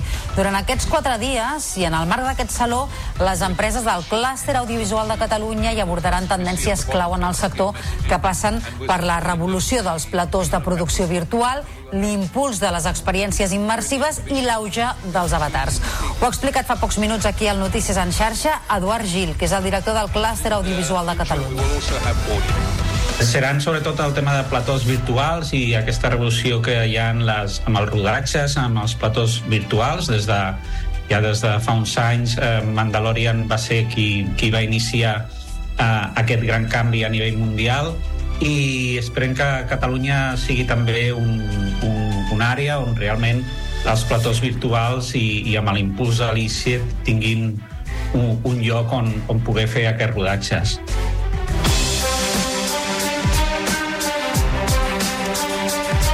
L'esperada ampliació de l'Hospital Clínic a l'Avinguda Diagonal de Barcelona ha fet un pas més. Totes les administracions i institucions implicades han signat el conveni per la construcció del nou campus de salut als terrenys que actualment ocupen les pistes esportives universitàries de la UB. L'objectiu és que esdevingui un dels pols biosanitaris més avançats d'Europa. En té els detalls al Pol Peiró, des de TV.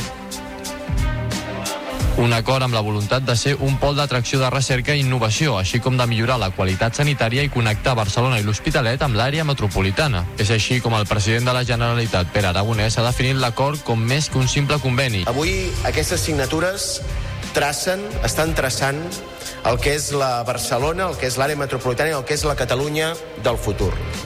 A partir d'una realitat que vull posar en valor i vull reconèixer. L'Hospital Clínic de Barcelona és una institució sanitària no només de referència per Catalunya, sinó també a nivell europeu i a nivell global. Jaume Collboni, per la seva part, ha valorat l'impuls de l'MB en el que ha definit com un canvi de mentalitat per construir una ciutat sense perifèries millorant els serveis de proximitat de salut. El que ens demostra és que quan tenim una àrea metropolitana compromesa amb els projectes de país, quan tenim una àrea metropolitana que facilita, que demana i que suma, Catalunya se'n surt. Es preveu que la infraestructura es construeixi a l'espai que actualment ocupen les pistes esportives de la Universitat de Barcelona a la part alta de l'Avinguda Diagonal. I el tractament d'ictus per trombectomia mecànica arriba a la seva pràctica número 100 a l'Arnau de Vilanova de Lleida. De la mà de professionals de la Vall d'Hebron, la secció de radiologia intervencionista opera amb aquest procediment des de fa 5 anys, que consisteix a extreure mecànicament un tromba que bloqueja la circulació de la sang. Actualment s'eviten una quarantena de desplaçaments a Barcelona per fer-se aquest tractament. I aquest migdia es reuniran representants del tècnics sanitaris i del Departament de Salut per intentar desencallar el conflicte laboral que manté en vaga indefinida aquest col·lectiu des del 8 de gener. Els sindicats consideren laxa el darrer document presentat per la Conselleria, ja que recull canvis organitzatius però no millores econòmiques. La darrera mobilització convocada pel Sindicat de Tècnics d'Infermeria i el Sindicat Estatal de Tècnics Superiors Sanitaris va ser el cap de setmana passat a Barcelona.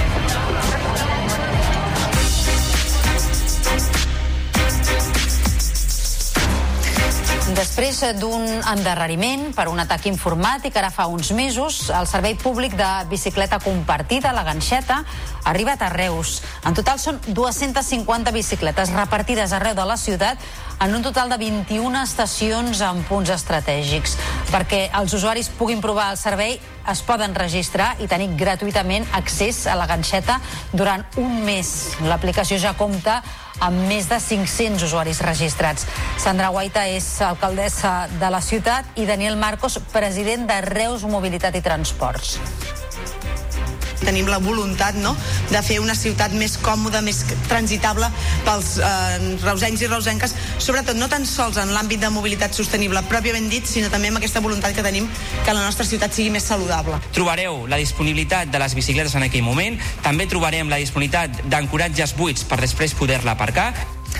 Més qüestions. El nombre de senglars a la muntanya de Collserola s'està reduint. Les batudes i la sequera, que ha fet tancar diverses fonts d'aigua on bevien aquests animals, són alguns dels factors que han ajudat a estabilitzar la seva població. Ens ho expliquen els companys d'ETV. Segons la Societat de Caçadors de Sant Just d'Esvern, la densitat del port senglar ha passat de 17 a 7 de mitjana per hectàrea quadrada. Al final ha de ser una densitat que ens garanteixi que la població, que la població estigui estable dintre del parc, que el parc pugui abastir d'aliment tota aquesta, tota aquesta espècie, que no tingui la necessitat d'anar als pobles, d'anar als conreus, d'anar a, a buscar-se la vida fora del parc i aquesta seria el, el, la foto perfecta, no? Una situació que té diversos motius per explicar-se. Primerament, la gran tasca duta a terme per als caçadors i el pla tècnic de la Generalitat ha estat un dels principals motius. Tot i aquestes relatives bones notícies, els caçadors hauran de mantenir alerta per als senglars en la zona de Collserola. A part, també han volgut destacar un altre animal que s'està recuperant i que, si bé de moment no representa cap perill, es mantindran atents per si no hi ha una superpoblació. Aquest animal no és altre que el cabirol.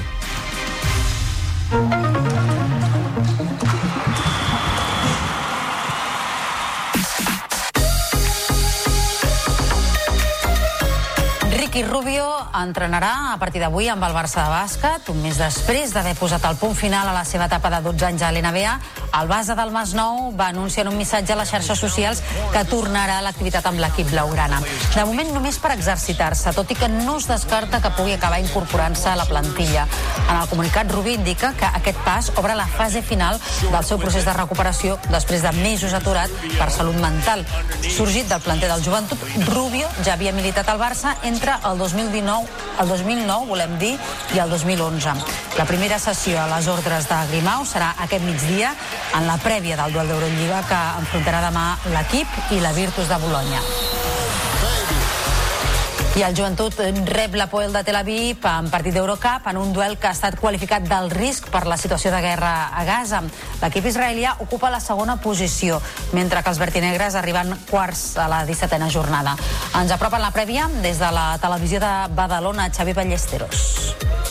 El Palau Olímpic viurà un partit amb mesures molt estrictes perquè el precedent del curs passat en els quarts de final en competició europea contra l'equip israelià, tot i que Israel no estava encara en el conflicte bèl·lic, ja va deixar imatges esperpèntiques. L'afició de Hapol és molt radical i seran més d'un centenar que visitaran Badalona. Esportivament parlant, la penya sap que no pot fallar si vol jugar-se en l'última jornada a Riga la segona o tercera posició del grup. You know, I just think it's, it's us finding our rhythm as a team. You know, we've had... Crec que estem començant a trobar el nostre ritme com a equip.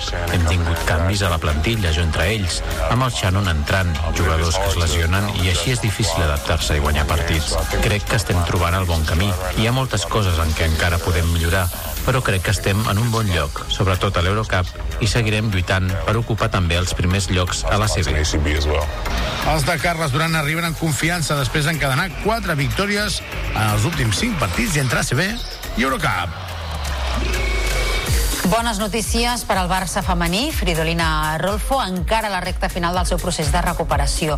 L'internacional sueca ja ha començat a exercitar-se amb la resta de l'equip després d'haver passat pel quiròfan a principis de setembre per una lesió al genoll dret. Per altra banda, també va tornar a treballar sobre la gespa Alexia Potelles, tot i que encara en solitari. La de Mollet no juga des del mes de novembre. I el futur de Luis Miguel Ramis a l'Espanyol penja d'un fil. La derrota contra l'Aldenc i la mala dinàmica de l'equip en les darreres setmanes que l'han deixat fora de l'ascens directe gairebé han esgotat la confiança en el tècnic. El club, però, ha decidit donar-li una última oportunitat que passa per sumar una victòria diumenge a casa contra el Llevant. En cas contrari, s'estudiarà fer un nou canvi d'entrenador. I s'ha presentat l'Open Internacional de Tenis 8 a 125 sol gironès. El torneig es disputarà entre l'1 i el 7 d'abril amb l'objectiu d'incentivar la presència de tenistes del top 100. És una informació de la televisió Costa Brava. Nerea Cabello. El Club Esportiu de Tenis La Bisbal torna a acollir un any més el seu torneig internacional de tenis femení. Serà la vuitena edició del torneig que manté la categoria 8 Tour 125 que va estrenar l'any passat i que va ser tot un èxit. En aquesta edició també jugaran paral·lelament les competicions individuals i de dobles. La principal novetat d'enguany, però, és el canvi de dates. El torneig es farà entre l'1 i el 7 d'abril a les instal·lacions del club. Amb aquest canvi, el torneig espera poder rebre encara més tenistes del top 100. L'any passat, aquesta primera edició del WITA, vam estar a la segona setmana del Roland Garros, que vam veure que no és una setmana diguem que és una setmana complicada perquè s'està acabant el, el, el circuit de terra, les jugadores estan molt cansades precisament per, per aquests perquè tots aquests tornejos de terra batuda que, que són molt físics. La sala de plens de l'Ajuntament de la Bisbal està a l'espai per presentar oficialment el torneig amb bona part de l'equip de govern, personalitats representatives de la directiva del torneig, del Club Esportiu de Tenis La Bisbal i l'empresa patrocinadora, Sol Gironès.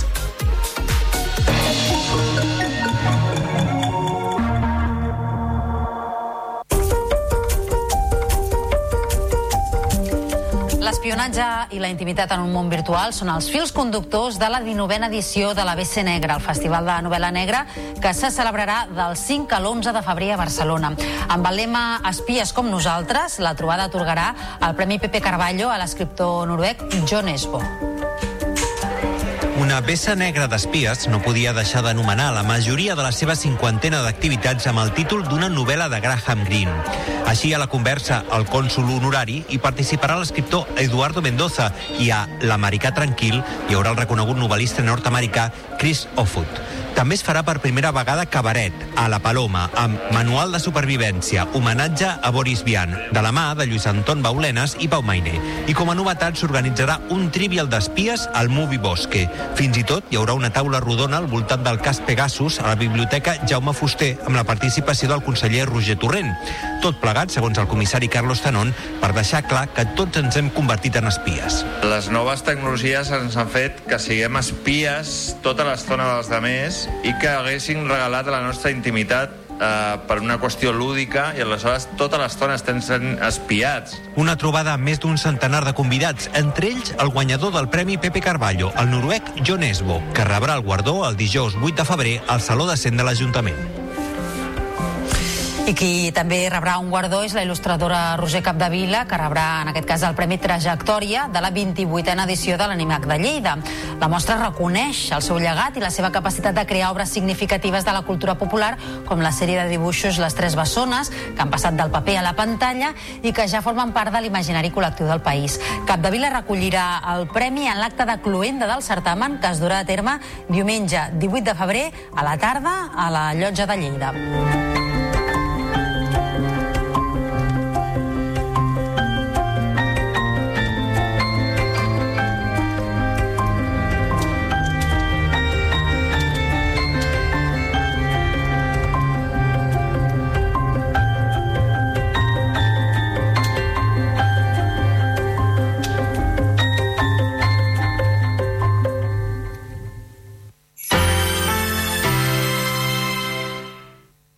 La xarxa de comunicació local.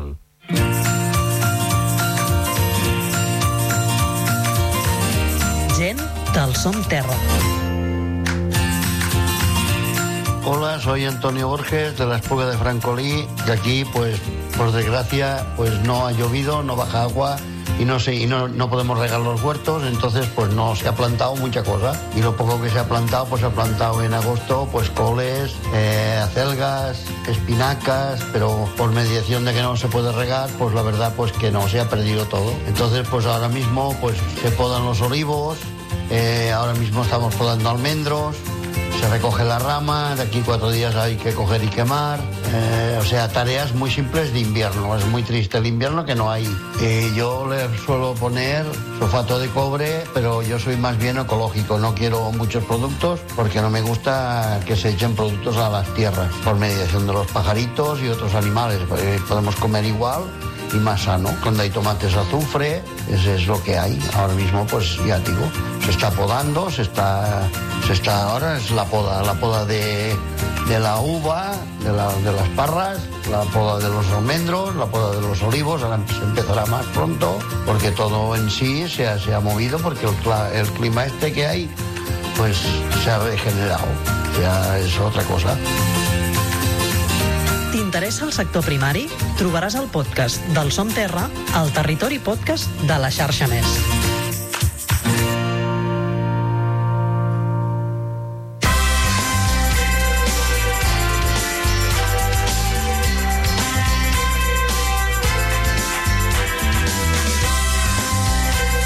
La xarxa de comunicació local.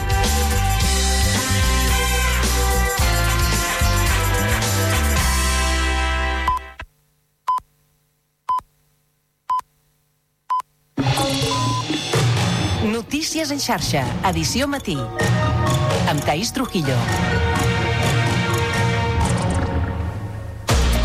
Bon dia, són dos quarts de nou del matí i avui al Notícies en xarxa us estem explicant que el Congrés aprovarà aquest dimarts la llei d'amnistia. De seguida ho analitzarem amb Xavier Arbós, que és catedràtic de Dret Constitucional de la UB. I és que la llei passarà al tràmit amb la majoria necessària, tot i que Junts i Esquerra Republicana seguiran negociant fins al darrer moment les esmenes per intentar eliminar del text les referències al terrorisme i blindar així causes com les de Tsunami Democràtic i els CDR. El PSOE es nega a introduir cap modificació més enllà d'excloure els casos que no violin els drets humans. És un fet que podria no ser suficient per esquivar maniobres judicials com les activades pel magistrat García Castellón. Un cop aprovada al Congrés, la llei anirà al Senat, on el PP hi té majoria i podria allargar-ne dos mesos més la tramitació. També hem destacat que el govern té previst aprovar avui la normativa que prohibirà als alumnes de primària usar el mòbil a l'aula. Els de secundària podran dur-los, però només se'n permetrà l'ús quan el docent ho requereixi per a una activitat acadèmica concreta. L'ordre es començarà a aplicar el curs que ve. I us hem explicat que totes les administracions i institucions implicades han signat el conveni per la construcció del nou campus de salut de l'Hospital Clínic a la Diagonal. S'ubicarà al terreny que actualment ocupen les pistes esportives de la Universitat de Barcelona.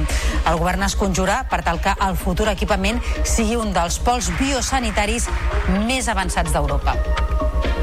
I en uns minuts anirem fins al municipi garrotxí de Santa Pau i us explicarem el repte que s'ha marcat al poble. Volen comprar el castell a través d'una campanya de micromecenatge. Poques vegades s'han vist a Catalunya crowdfundings d'aquesta dimensió. L'objectiu és recollir 500.000 euros en només 4 mesos. El castell es va construir al segle XII i des dels anys 80 està abandonat. I en esports, Ricky Rubio entrenarà a partir d'avui amb el Barça de bàsquet, un mes després d'haver posat el punt final a la seva etapa de 12 anys a l'NBA. El base del Masnou tornarà a l'activitat amb l'equip blaugrana. De moment només per exercitar-se després de mesos fora de les pistes per salut mental. I en cultura torna el Bessa Negra entre el 5 i l'11 de febrer amb l'espionatge i la intimitat en un món virtual com a fils conductors. La cita, que comptarà amb la participació de més de 150 autors del gènere, atorgarà el Premi Pepe Carballo a l'escriptor noruec John Esbo. Notícies en xarxa, edició matí. Després de mesos de parlar-ne, avui s'aprova al Congrés de Diputats la llei d'amnistia. Malgrat que la majoria que li donarà el vistiplau està força satisfeta amb el text, en les darreres hores els partits independentistes i el PSOE han continuat negociant-hi retocs. El kit de la qüestió és deixar al marge el delicte de terrorisme amb violacions greus dels drets humans. Ens ho explica la Mont Carvajal. Els socialistes se senten còmodes amb el text actual de la llei, però admeten que fins dimarts a la tarda encara hi ha temps per fer retocs. Ho ha dit, per exemple, la portaveu del PSC, Elia Tortolero. La negociació continua fins a última hora. També la portaveu d'Esquerra Republicana, Raquel Sáenz, considera que el text és el màxim de rebust possible. Nosaltres eh, no tanquem la porta fins al darrer moment per poder millorar la llei i, per tant, mantenim vives la, les nostres esmenes i seguirem parlant amb tothom. Creiem que és la millor llei possible fruit de la necessitat d'arribar a aquest consens ampli, un consens que era imprescindible. I els comuns, a través del portaveu Joan Mena, asseguren que la llei beneficiarà catalans i espanyols. I estem convençuts que aquesta llei, per molt que alguns jutges la, vulgui, la vulguin torpedinar, serà una llei doncs, que beneficia el conjunt de la societat, a la catalana però també a l'espanyola. El ple comença a les 3 de la tarda. Doncs eh, precisament avui el president de la Generalitat, Pere Aragonès, durà a Brussel·les la defensa de la llei d'amnistia en una visita de dos dies en què es reunirà amb quatre comissaris europeus. Tot plegat mentre el Partit Popular augmenta el to de les crítiques a un text que intentarà alentir al màxim al Senat, on hi té la majoria absoluta. Alberto Núñez Feijóo és el president de la formació. Han llegado a justificar el terrorismo y a decir que los actos terroristas no son tan malos. Y en su ida hacia adelante, el Partido Socialista ya es más crítico con los jueces que investigan el terrorismo que con los políticos que lo justifican y que están investigados por ello. Doncs eh, per saber més sobre aquesta llei d'amnistia i sobre les conseqüències que pot tenir, establim a aquesta hora connexió amb Xavier Arbós, que és catedràtic de Dret Constitucional de la Universitat de Barcelona. Senyor Arbós, molt bon dia. Molt bon dia. Des del punt de vista mm, jurídic, deixant ara davant de les qüestions polítiques, eh, es tracta d'una llei ben redactada i prou clara?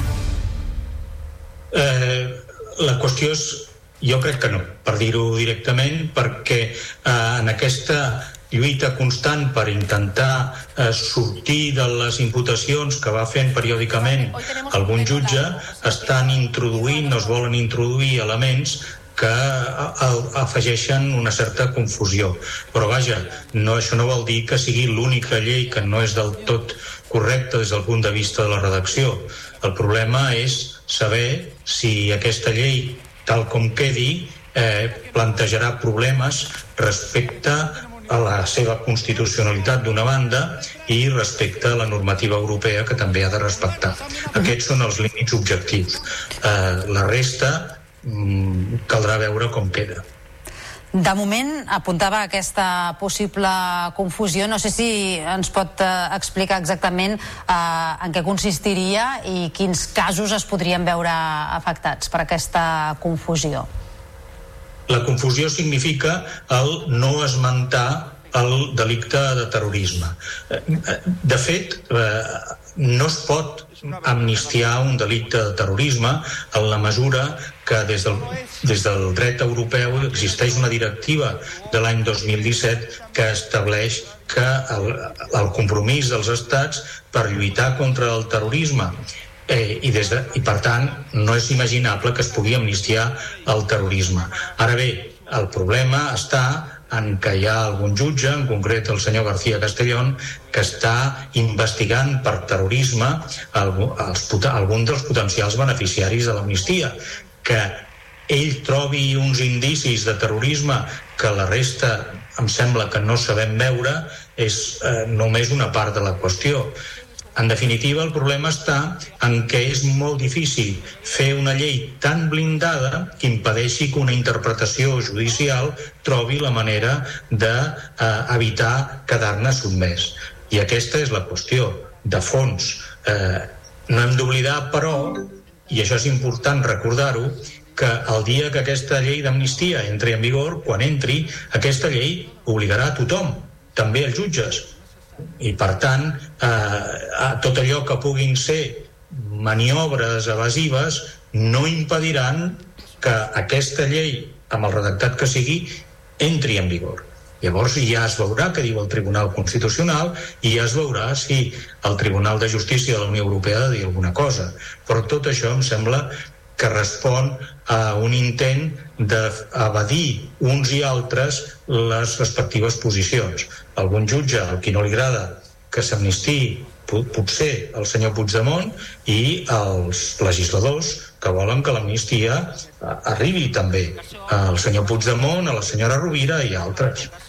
Per tant, eh, hi ha possibilitats reals de que aquesta llei finalment no acabi eh, protegint o emparant sota el paraigües de l'amnistia a totes les persones que han estat imputades durant el procés i que voldrien protegir els partits independentistes. Si, aquesta, si, si hi ha persones que són no només imputades, sinó condemnades per terrorisme, llavors el que és imaginable és que hi hagi jutges que entenguin que eh, no és possible aplicar aquesta llei perquè vulnera el dret europeu. I per això presentarien una qüestió prejudicial davant el Tribunal de Justícia de la Unió Europea. Però mentre no ho facin, eh, aquesta llei s'ha d'aplicar, digui el que digui. Mentre no hi hagi el Tribunal Constitucional que determini què és inconstitucional, o el Tribunal de Justícia de la Unió Europea que digui que han veït les competències o que ha vulnerat alguna llei de la Unió Europea. En definitiva, cal esperar, saber què diu la llei i si hi ha persones investigades per terrorisme en tot cas, cal veure si finalment són condemnades, però un acaba tenint la impressió de que si la llei hagués fixat un límit per, eh, com un dels límits per l'amnistia delictes contra la salut pública, hi hauria dirigents independentistes que estarien ara sent investigats per tràfic de drogues, perquè hem arribat a aquest punt de jugar al gat i la rata uns i altres. I això eh, afegeix una confusió que és desgraciadament inevitable. Xavier Arbós, catedràtic de Dret Constitucional de la Universitat de Barcelona, moltíssimes gràcies per haver-nos atès aquest matí al Notícies en xarxa. Gràcies a vosaltres. Adéu. Notícies en xarxa, el matinal de les ràdios i televisions locals.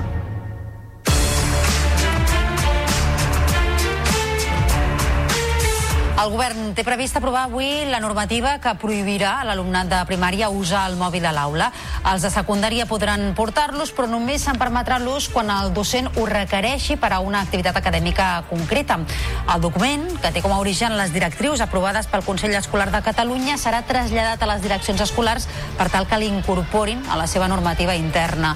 L'ordre començarà a ser una realitat al curs que ve. L'aprovació de la normativa catalana es produeix un dia abans que la consellera d'Educació, Anna Simó es reuneixi a Madrid amb la ministra Pilar Alegria i la resta de consellers per tal de tractar la regulació del mòbil a les aules. I a Madrid, el Consell de Ministres aprovarà avui la creació d'un comitè d'experts per tal d'impulsar un entorn digital segur per la infància i la joventut. En la seva estratègia per protegir nens i adolescents del consum de pornografia a través d'internet, l'executiu ha presentat un full de ruta que inclou a més solucions tecnològiques per impedir l'accés dels menors a continguts pornogràfics. El mateix president del govern, Pedro Sánchez, ho va anunciar ahir. No tenemos tiempo que perder, en definitiva, señoras y señores. Y por eso, mañana mismo en el Consejo de Ministros vamos a crear un comité de personas expertas para la generación de un entorno digital seguro para la juventud y para la infancia. Y por último, el tercer eje consiste en avanzar en la creación de soluciones tecnológicas que impidan el acceso al contenido para adultos por parte de los menores de edad. Unes 150 persones es van concentrar ahir al vespre davant de l'Ajuntament de Torroella de Montgrí, al Baix Empordà, per condemnar el crim de la veïna del poble que va aparèixer morta diumenge en un cotxe aparcat en un camí a tocar d'uns camps. Els manifestants eh, van fer un minut de silenci i es va llegir un manifest per reclamar que es faci justícia i que es trobi els responsables del crim. A més, les banderes unegen a mig pal i s'han decretat dos dies de dol oficial. L'alcalde del municipi, Jordi Colomí, informava ahir de l'última hora del cas. S'ha decretat el secret del sumari, tenim molt poca informació, eh, no tenim gaires més novetats dels que s'han anat explicant, per tant, esperar que aquestes, aquestes investigacions que porten creiem que, que bé la, la policia autonòmica, els Mossos d'Esquadra, doncs acabin el més aviat possible i s'aclareixi doncs, aquest assassinat per la tranquil·litat de tothom.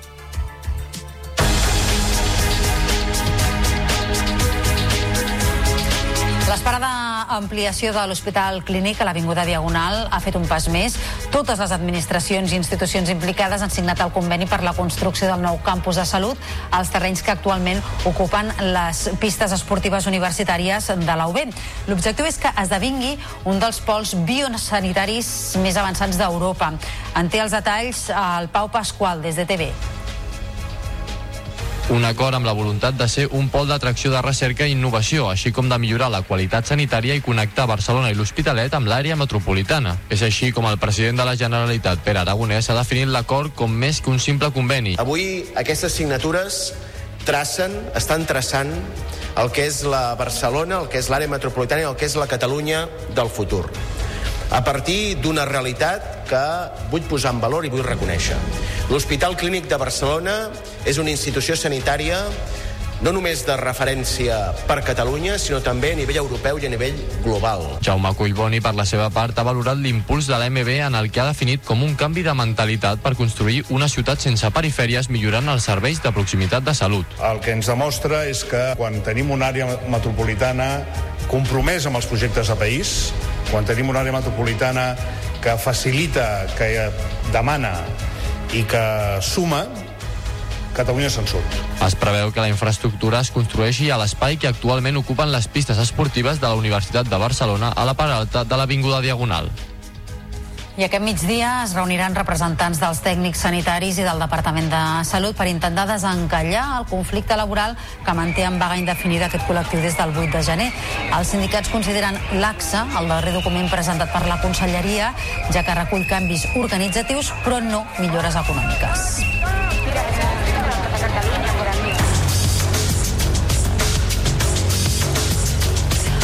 El municipi de Santa Pau, a la comarca de la Garrotxa, es prepara per a un repte majúscul i únic.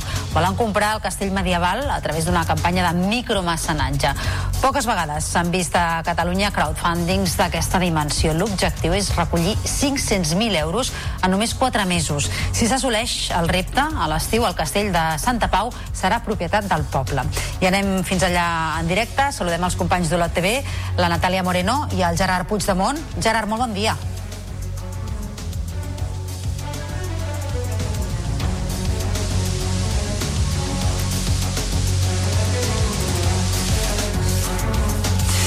Tenim problemes de so, no podem escoltar a aquesta hora els companys d'Olot TV, la Natàlia Moreno i el Gerard Puigdemont, que ens havien d'explicar com s'aconseguirien aquests 500.000 euros per tal que el poble de Santa Pau, a la Garrotxa, compri el castell del municipi.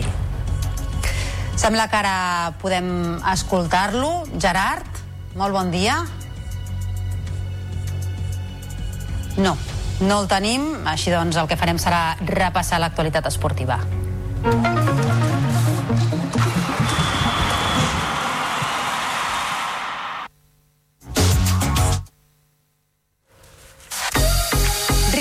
Rubio entrenarà a partir d'avui amb el Barça de bàsquet, amb el retorn a les pistes, fa un pas endavant a la seva recuperació per problemes de salut mental.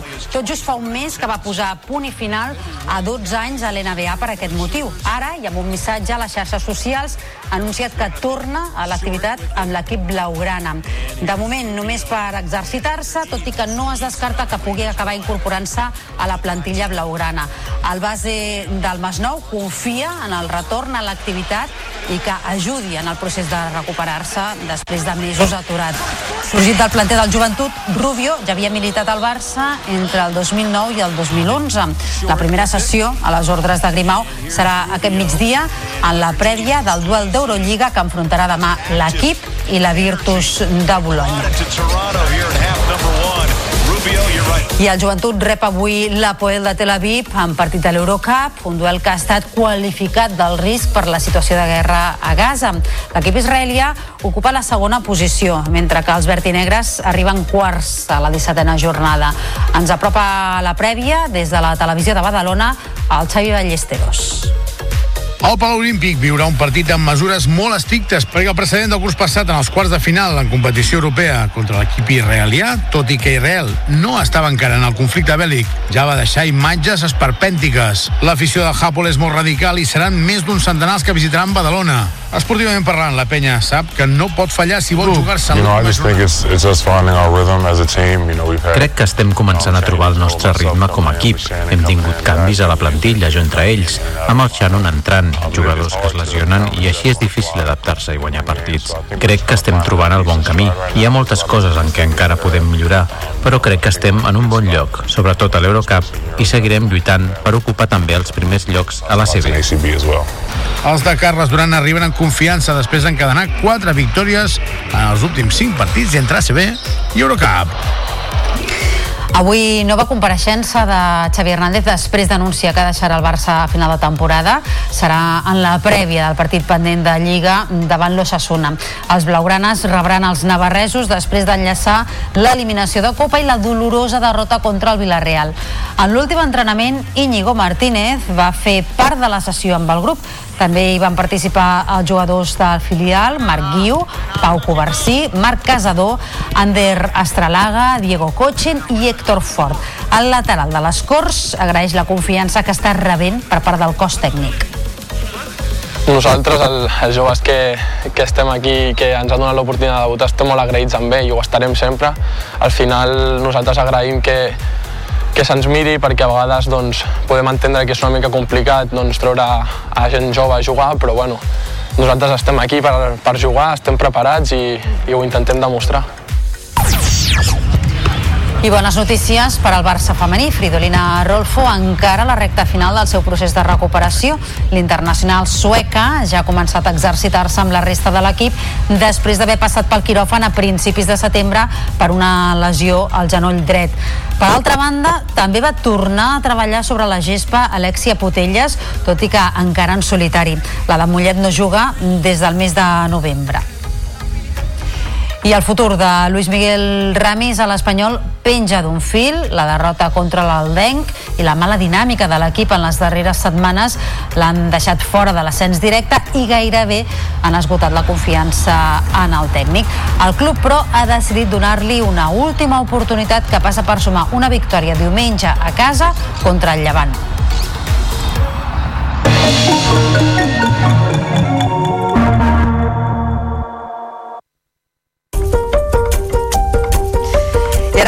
Recuperem la connexió que hem intentat fer fa uns minuts. Us recordem el que us explicàvem, que és que el municipi de Santa Pau, a la comarca de la Garrotxa, es prepara per a un repte majúscul i únic. Volen comprar el castell medieval a través d'una campanya de micromecenatge. L'objectiu és recollir 500.000 euros en només 4 mesos. I tornem en directe, allà hi ha els companys de l'OTV, la Natàlia Moreno i el Gerard Puigdemont. Gerard, ara sí, molt bon dia. Ara sí, bon dia, Taís. Doncs la veritat és que sí, és un repte majúscul el que té Santa Pau, que fa molts anys que s'ho proposa i que està ben a prop d'aconseguir aquest castell, que és una de les icones del poble. Aquest castell medieval que té molta història, que és en propietat de la marquesa d'Argençola i que ara, gràcies a un acord que ha aconseguit l'Ajuntament, el podrà adquirir per uns 400.000 euros i ho farà a través d'una campanya de micromecenatge. Anem a conèixer però una mica més la història de més enrere a través de l'Ester Badós. L'Ester va ser alcaldessa d'aquí Santa Pau fa uns 15 anys, més o menys. Esther, bon dia. Hola, bon dia. En la teva etapa com a alcaldessa aquí ja vau aconseguir una sessió d'ús per 50 anys, no? que ja en aquell moment era, era molt.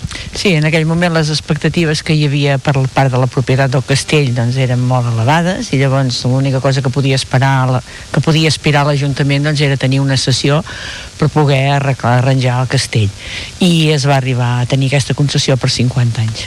Esther, per què és tan important patrimonialment i per al poble aquest espai on ens trobem ara mateix?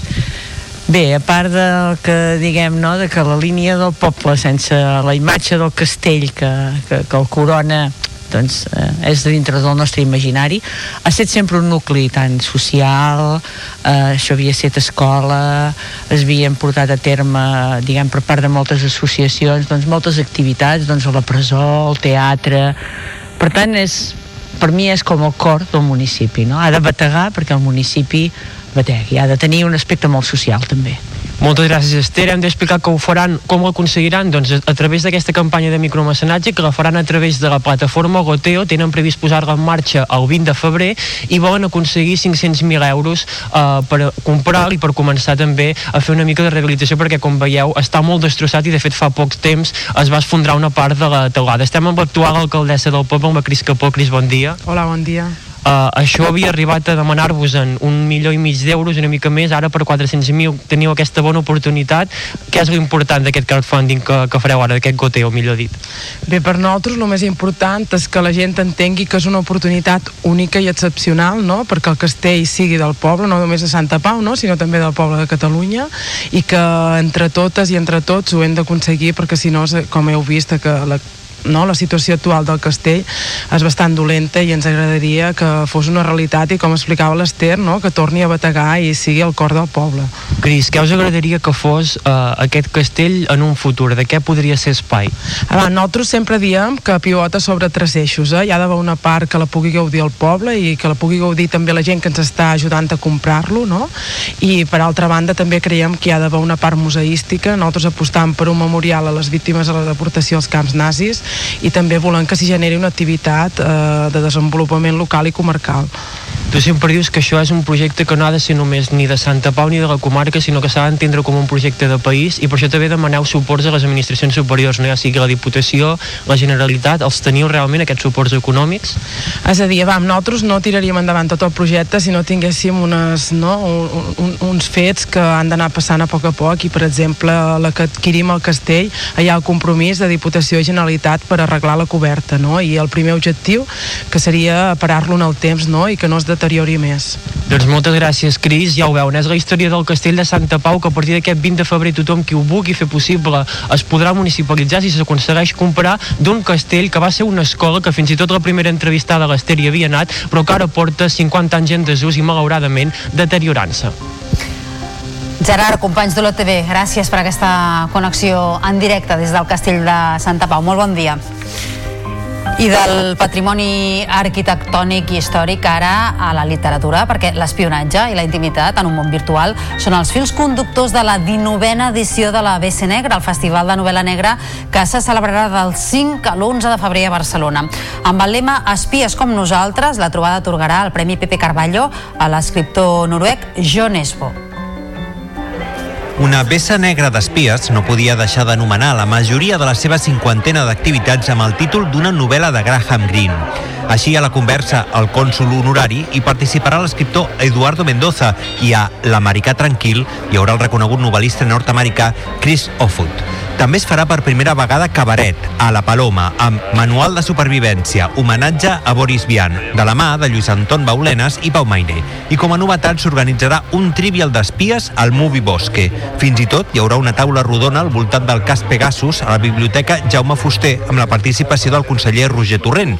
Tot plegat, segons el comissari Carlos Tanon, per deixar clar que tots ens hem convertit en espies. Les noves tecnologies ens han fet que siguem espies tota l'estona dels demés i que haguessin regalat la nostra intimitat eh, per una qüestió lúdica i aleshores tota l'estona estem sent espiats. Una trobada amb més d'un centenar de convidats, entre ells el guanyador del Premi Pepe Carballo, el noruec John Esbo, que rebrà el guardó el dijous 8 de febrer al Saló de Cent de l'Ajuntament.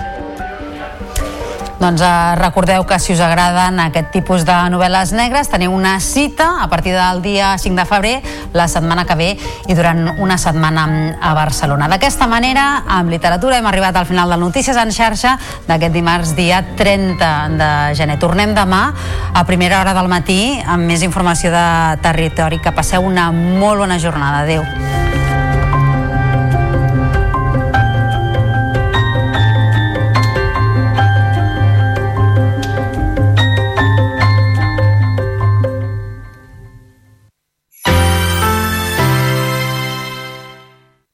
La xarxa de comunicació local.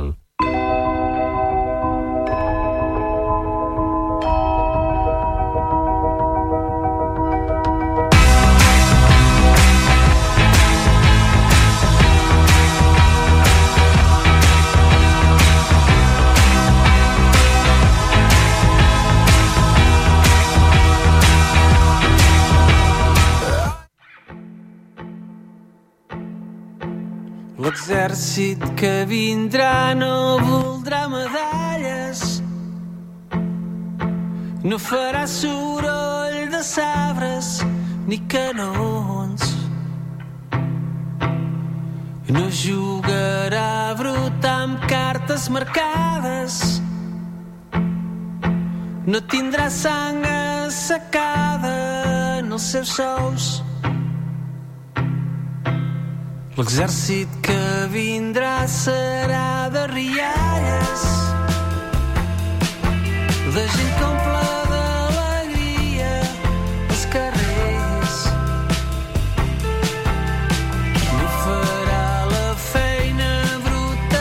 altres, no tindrà el pes d'un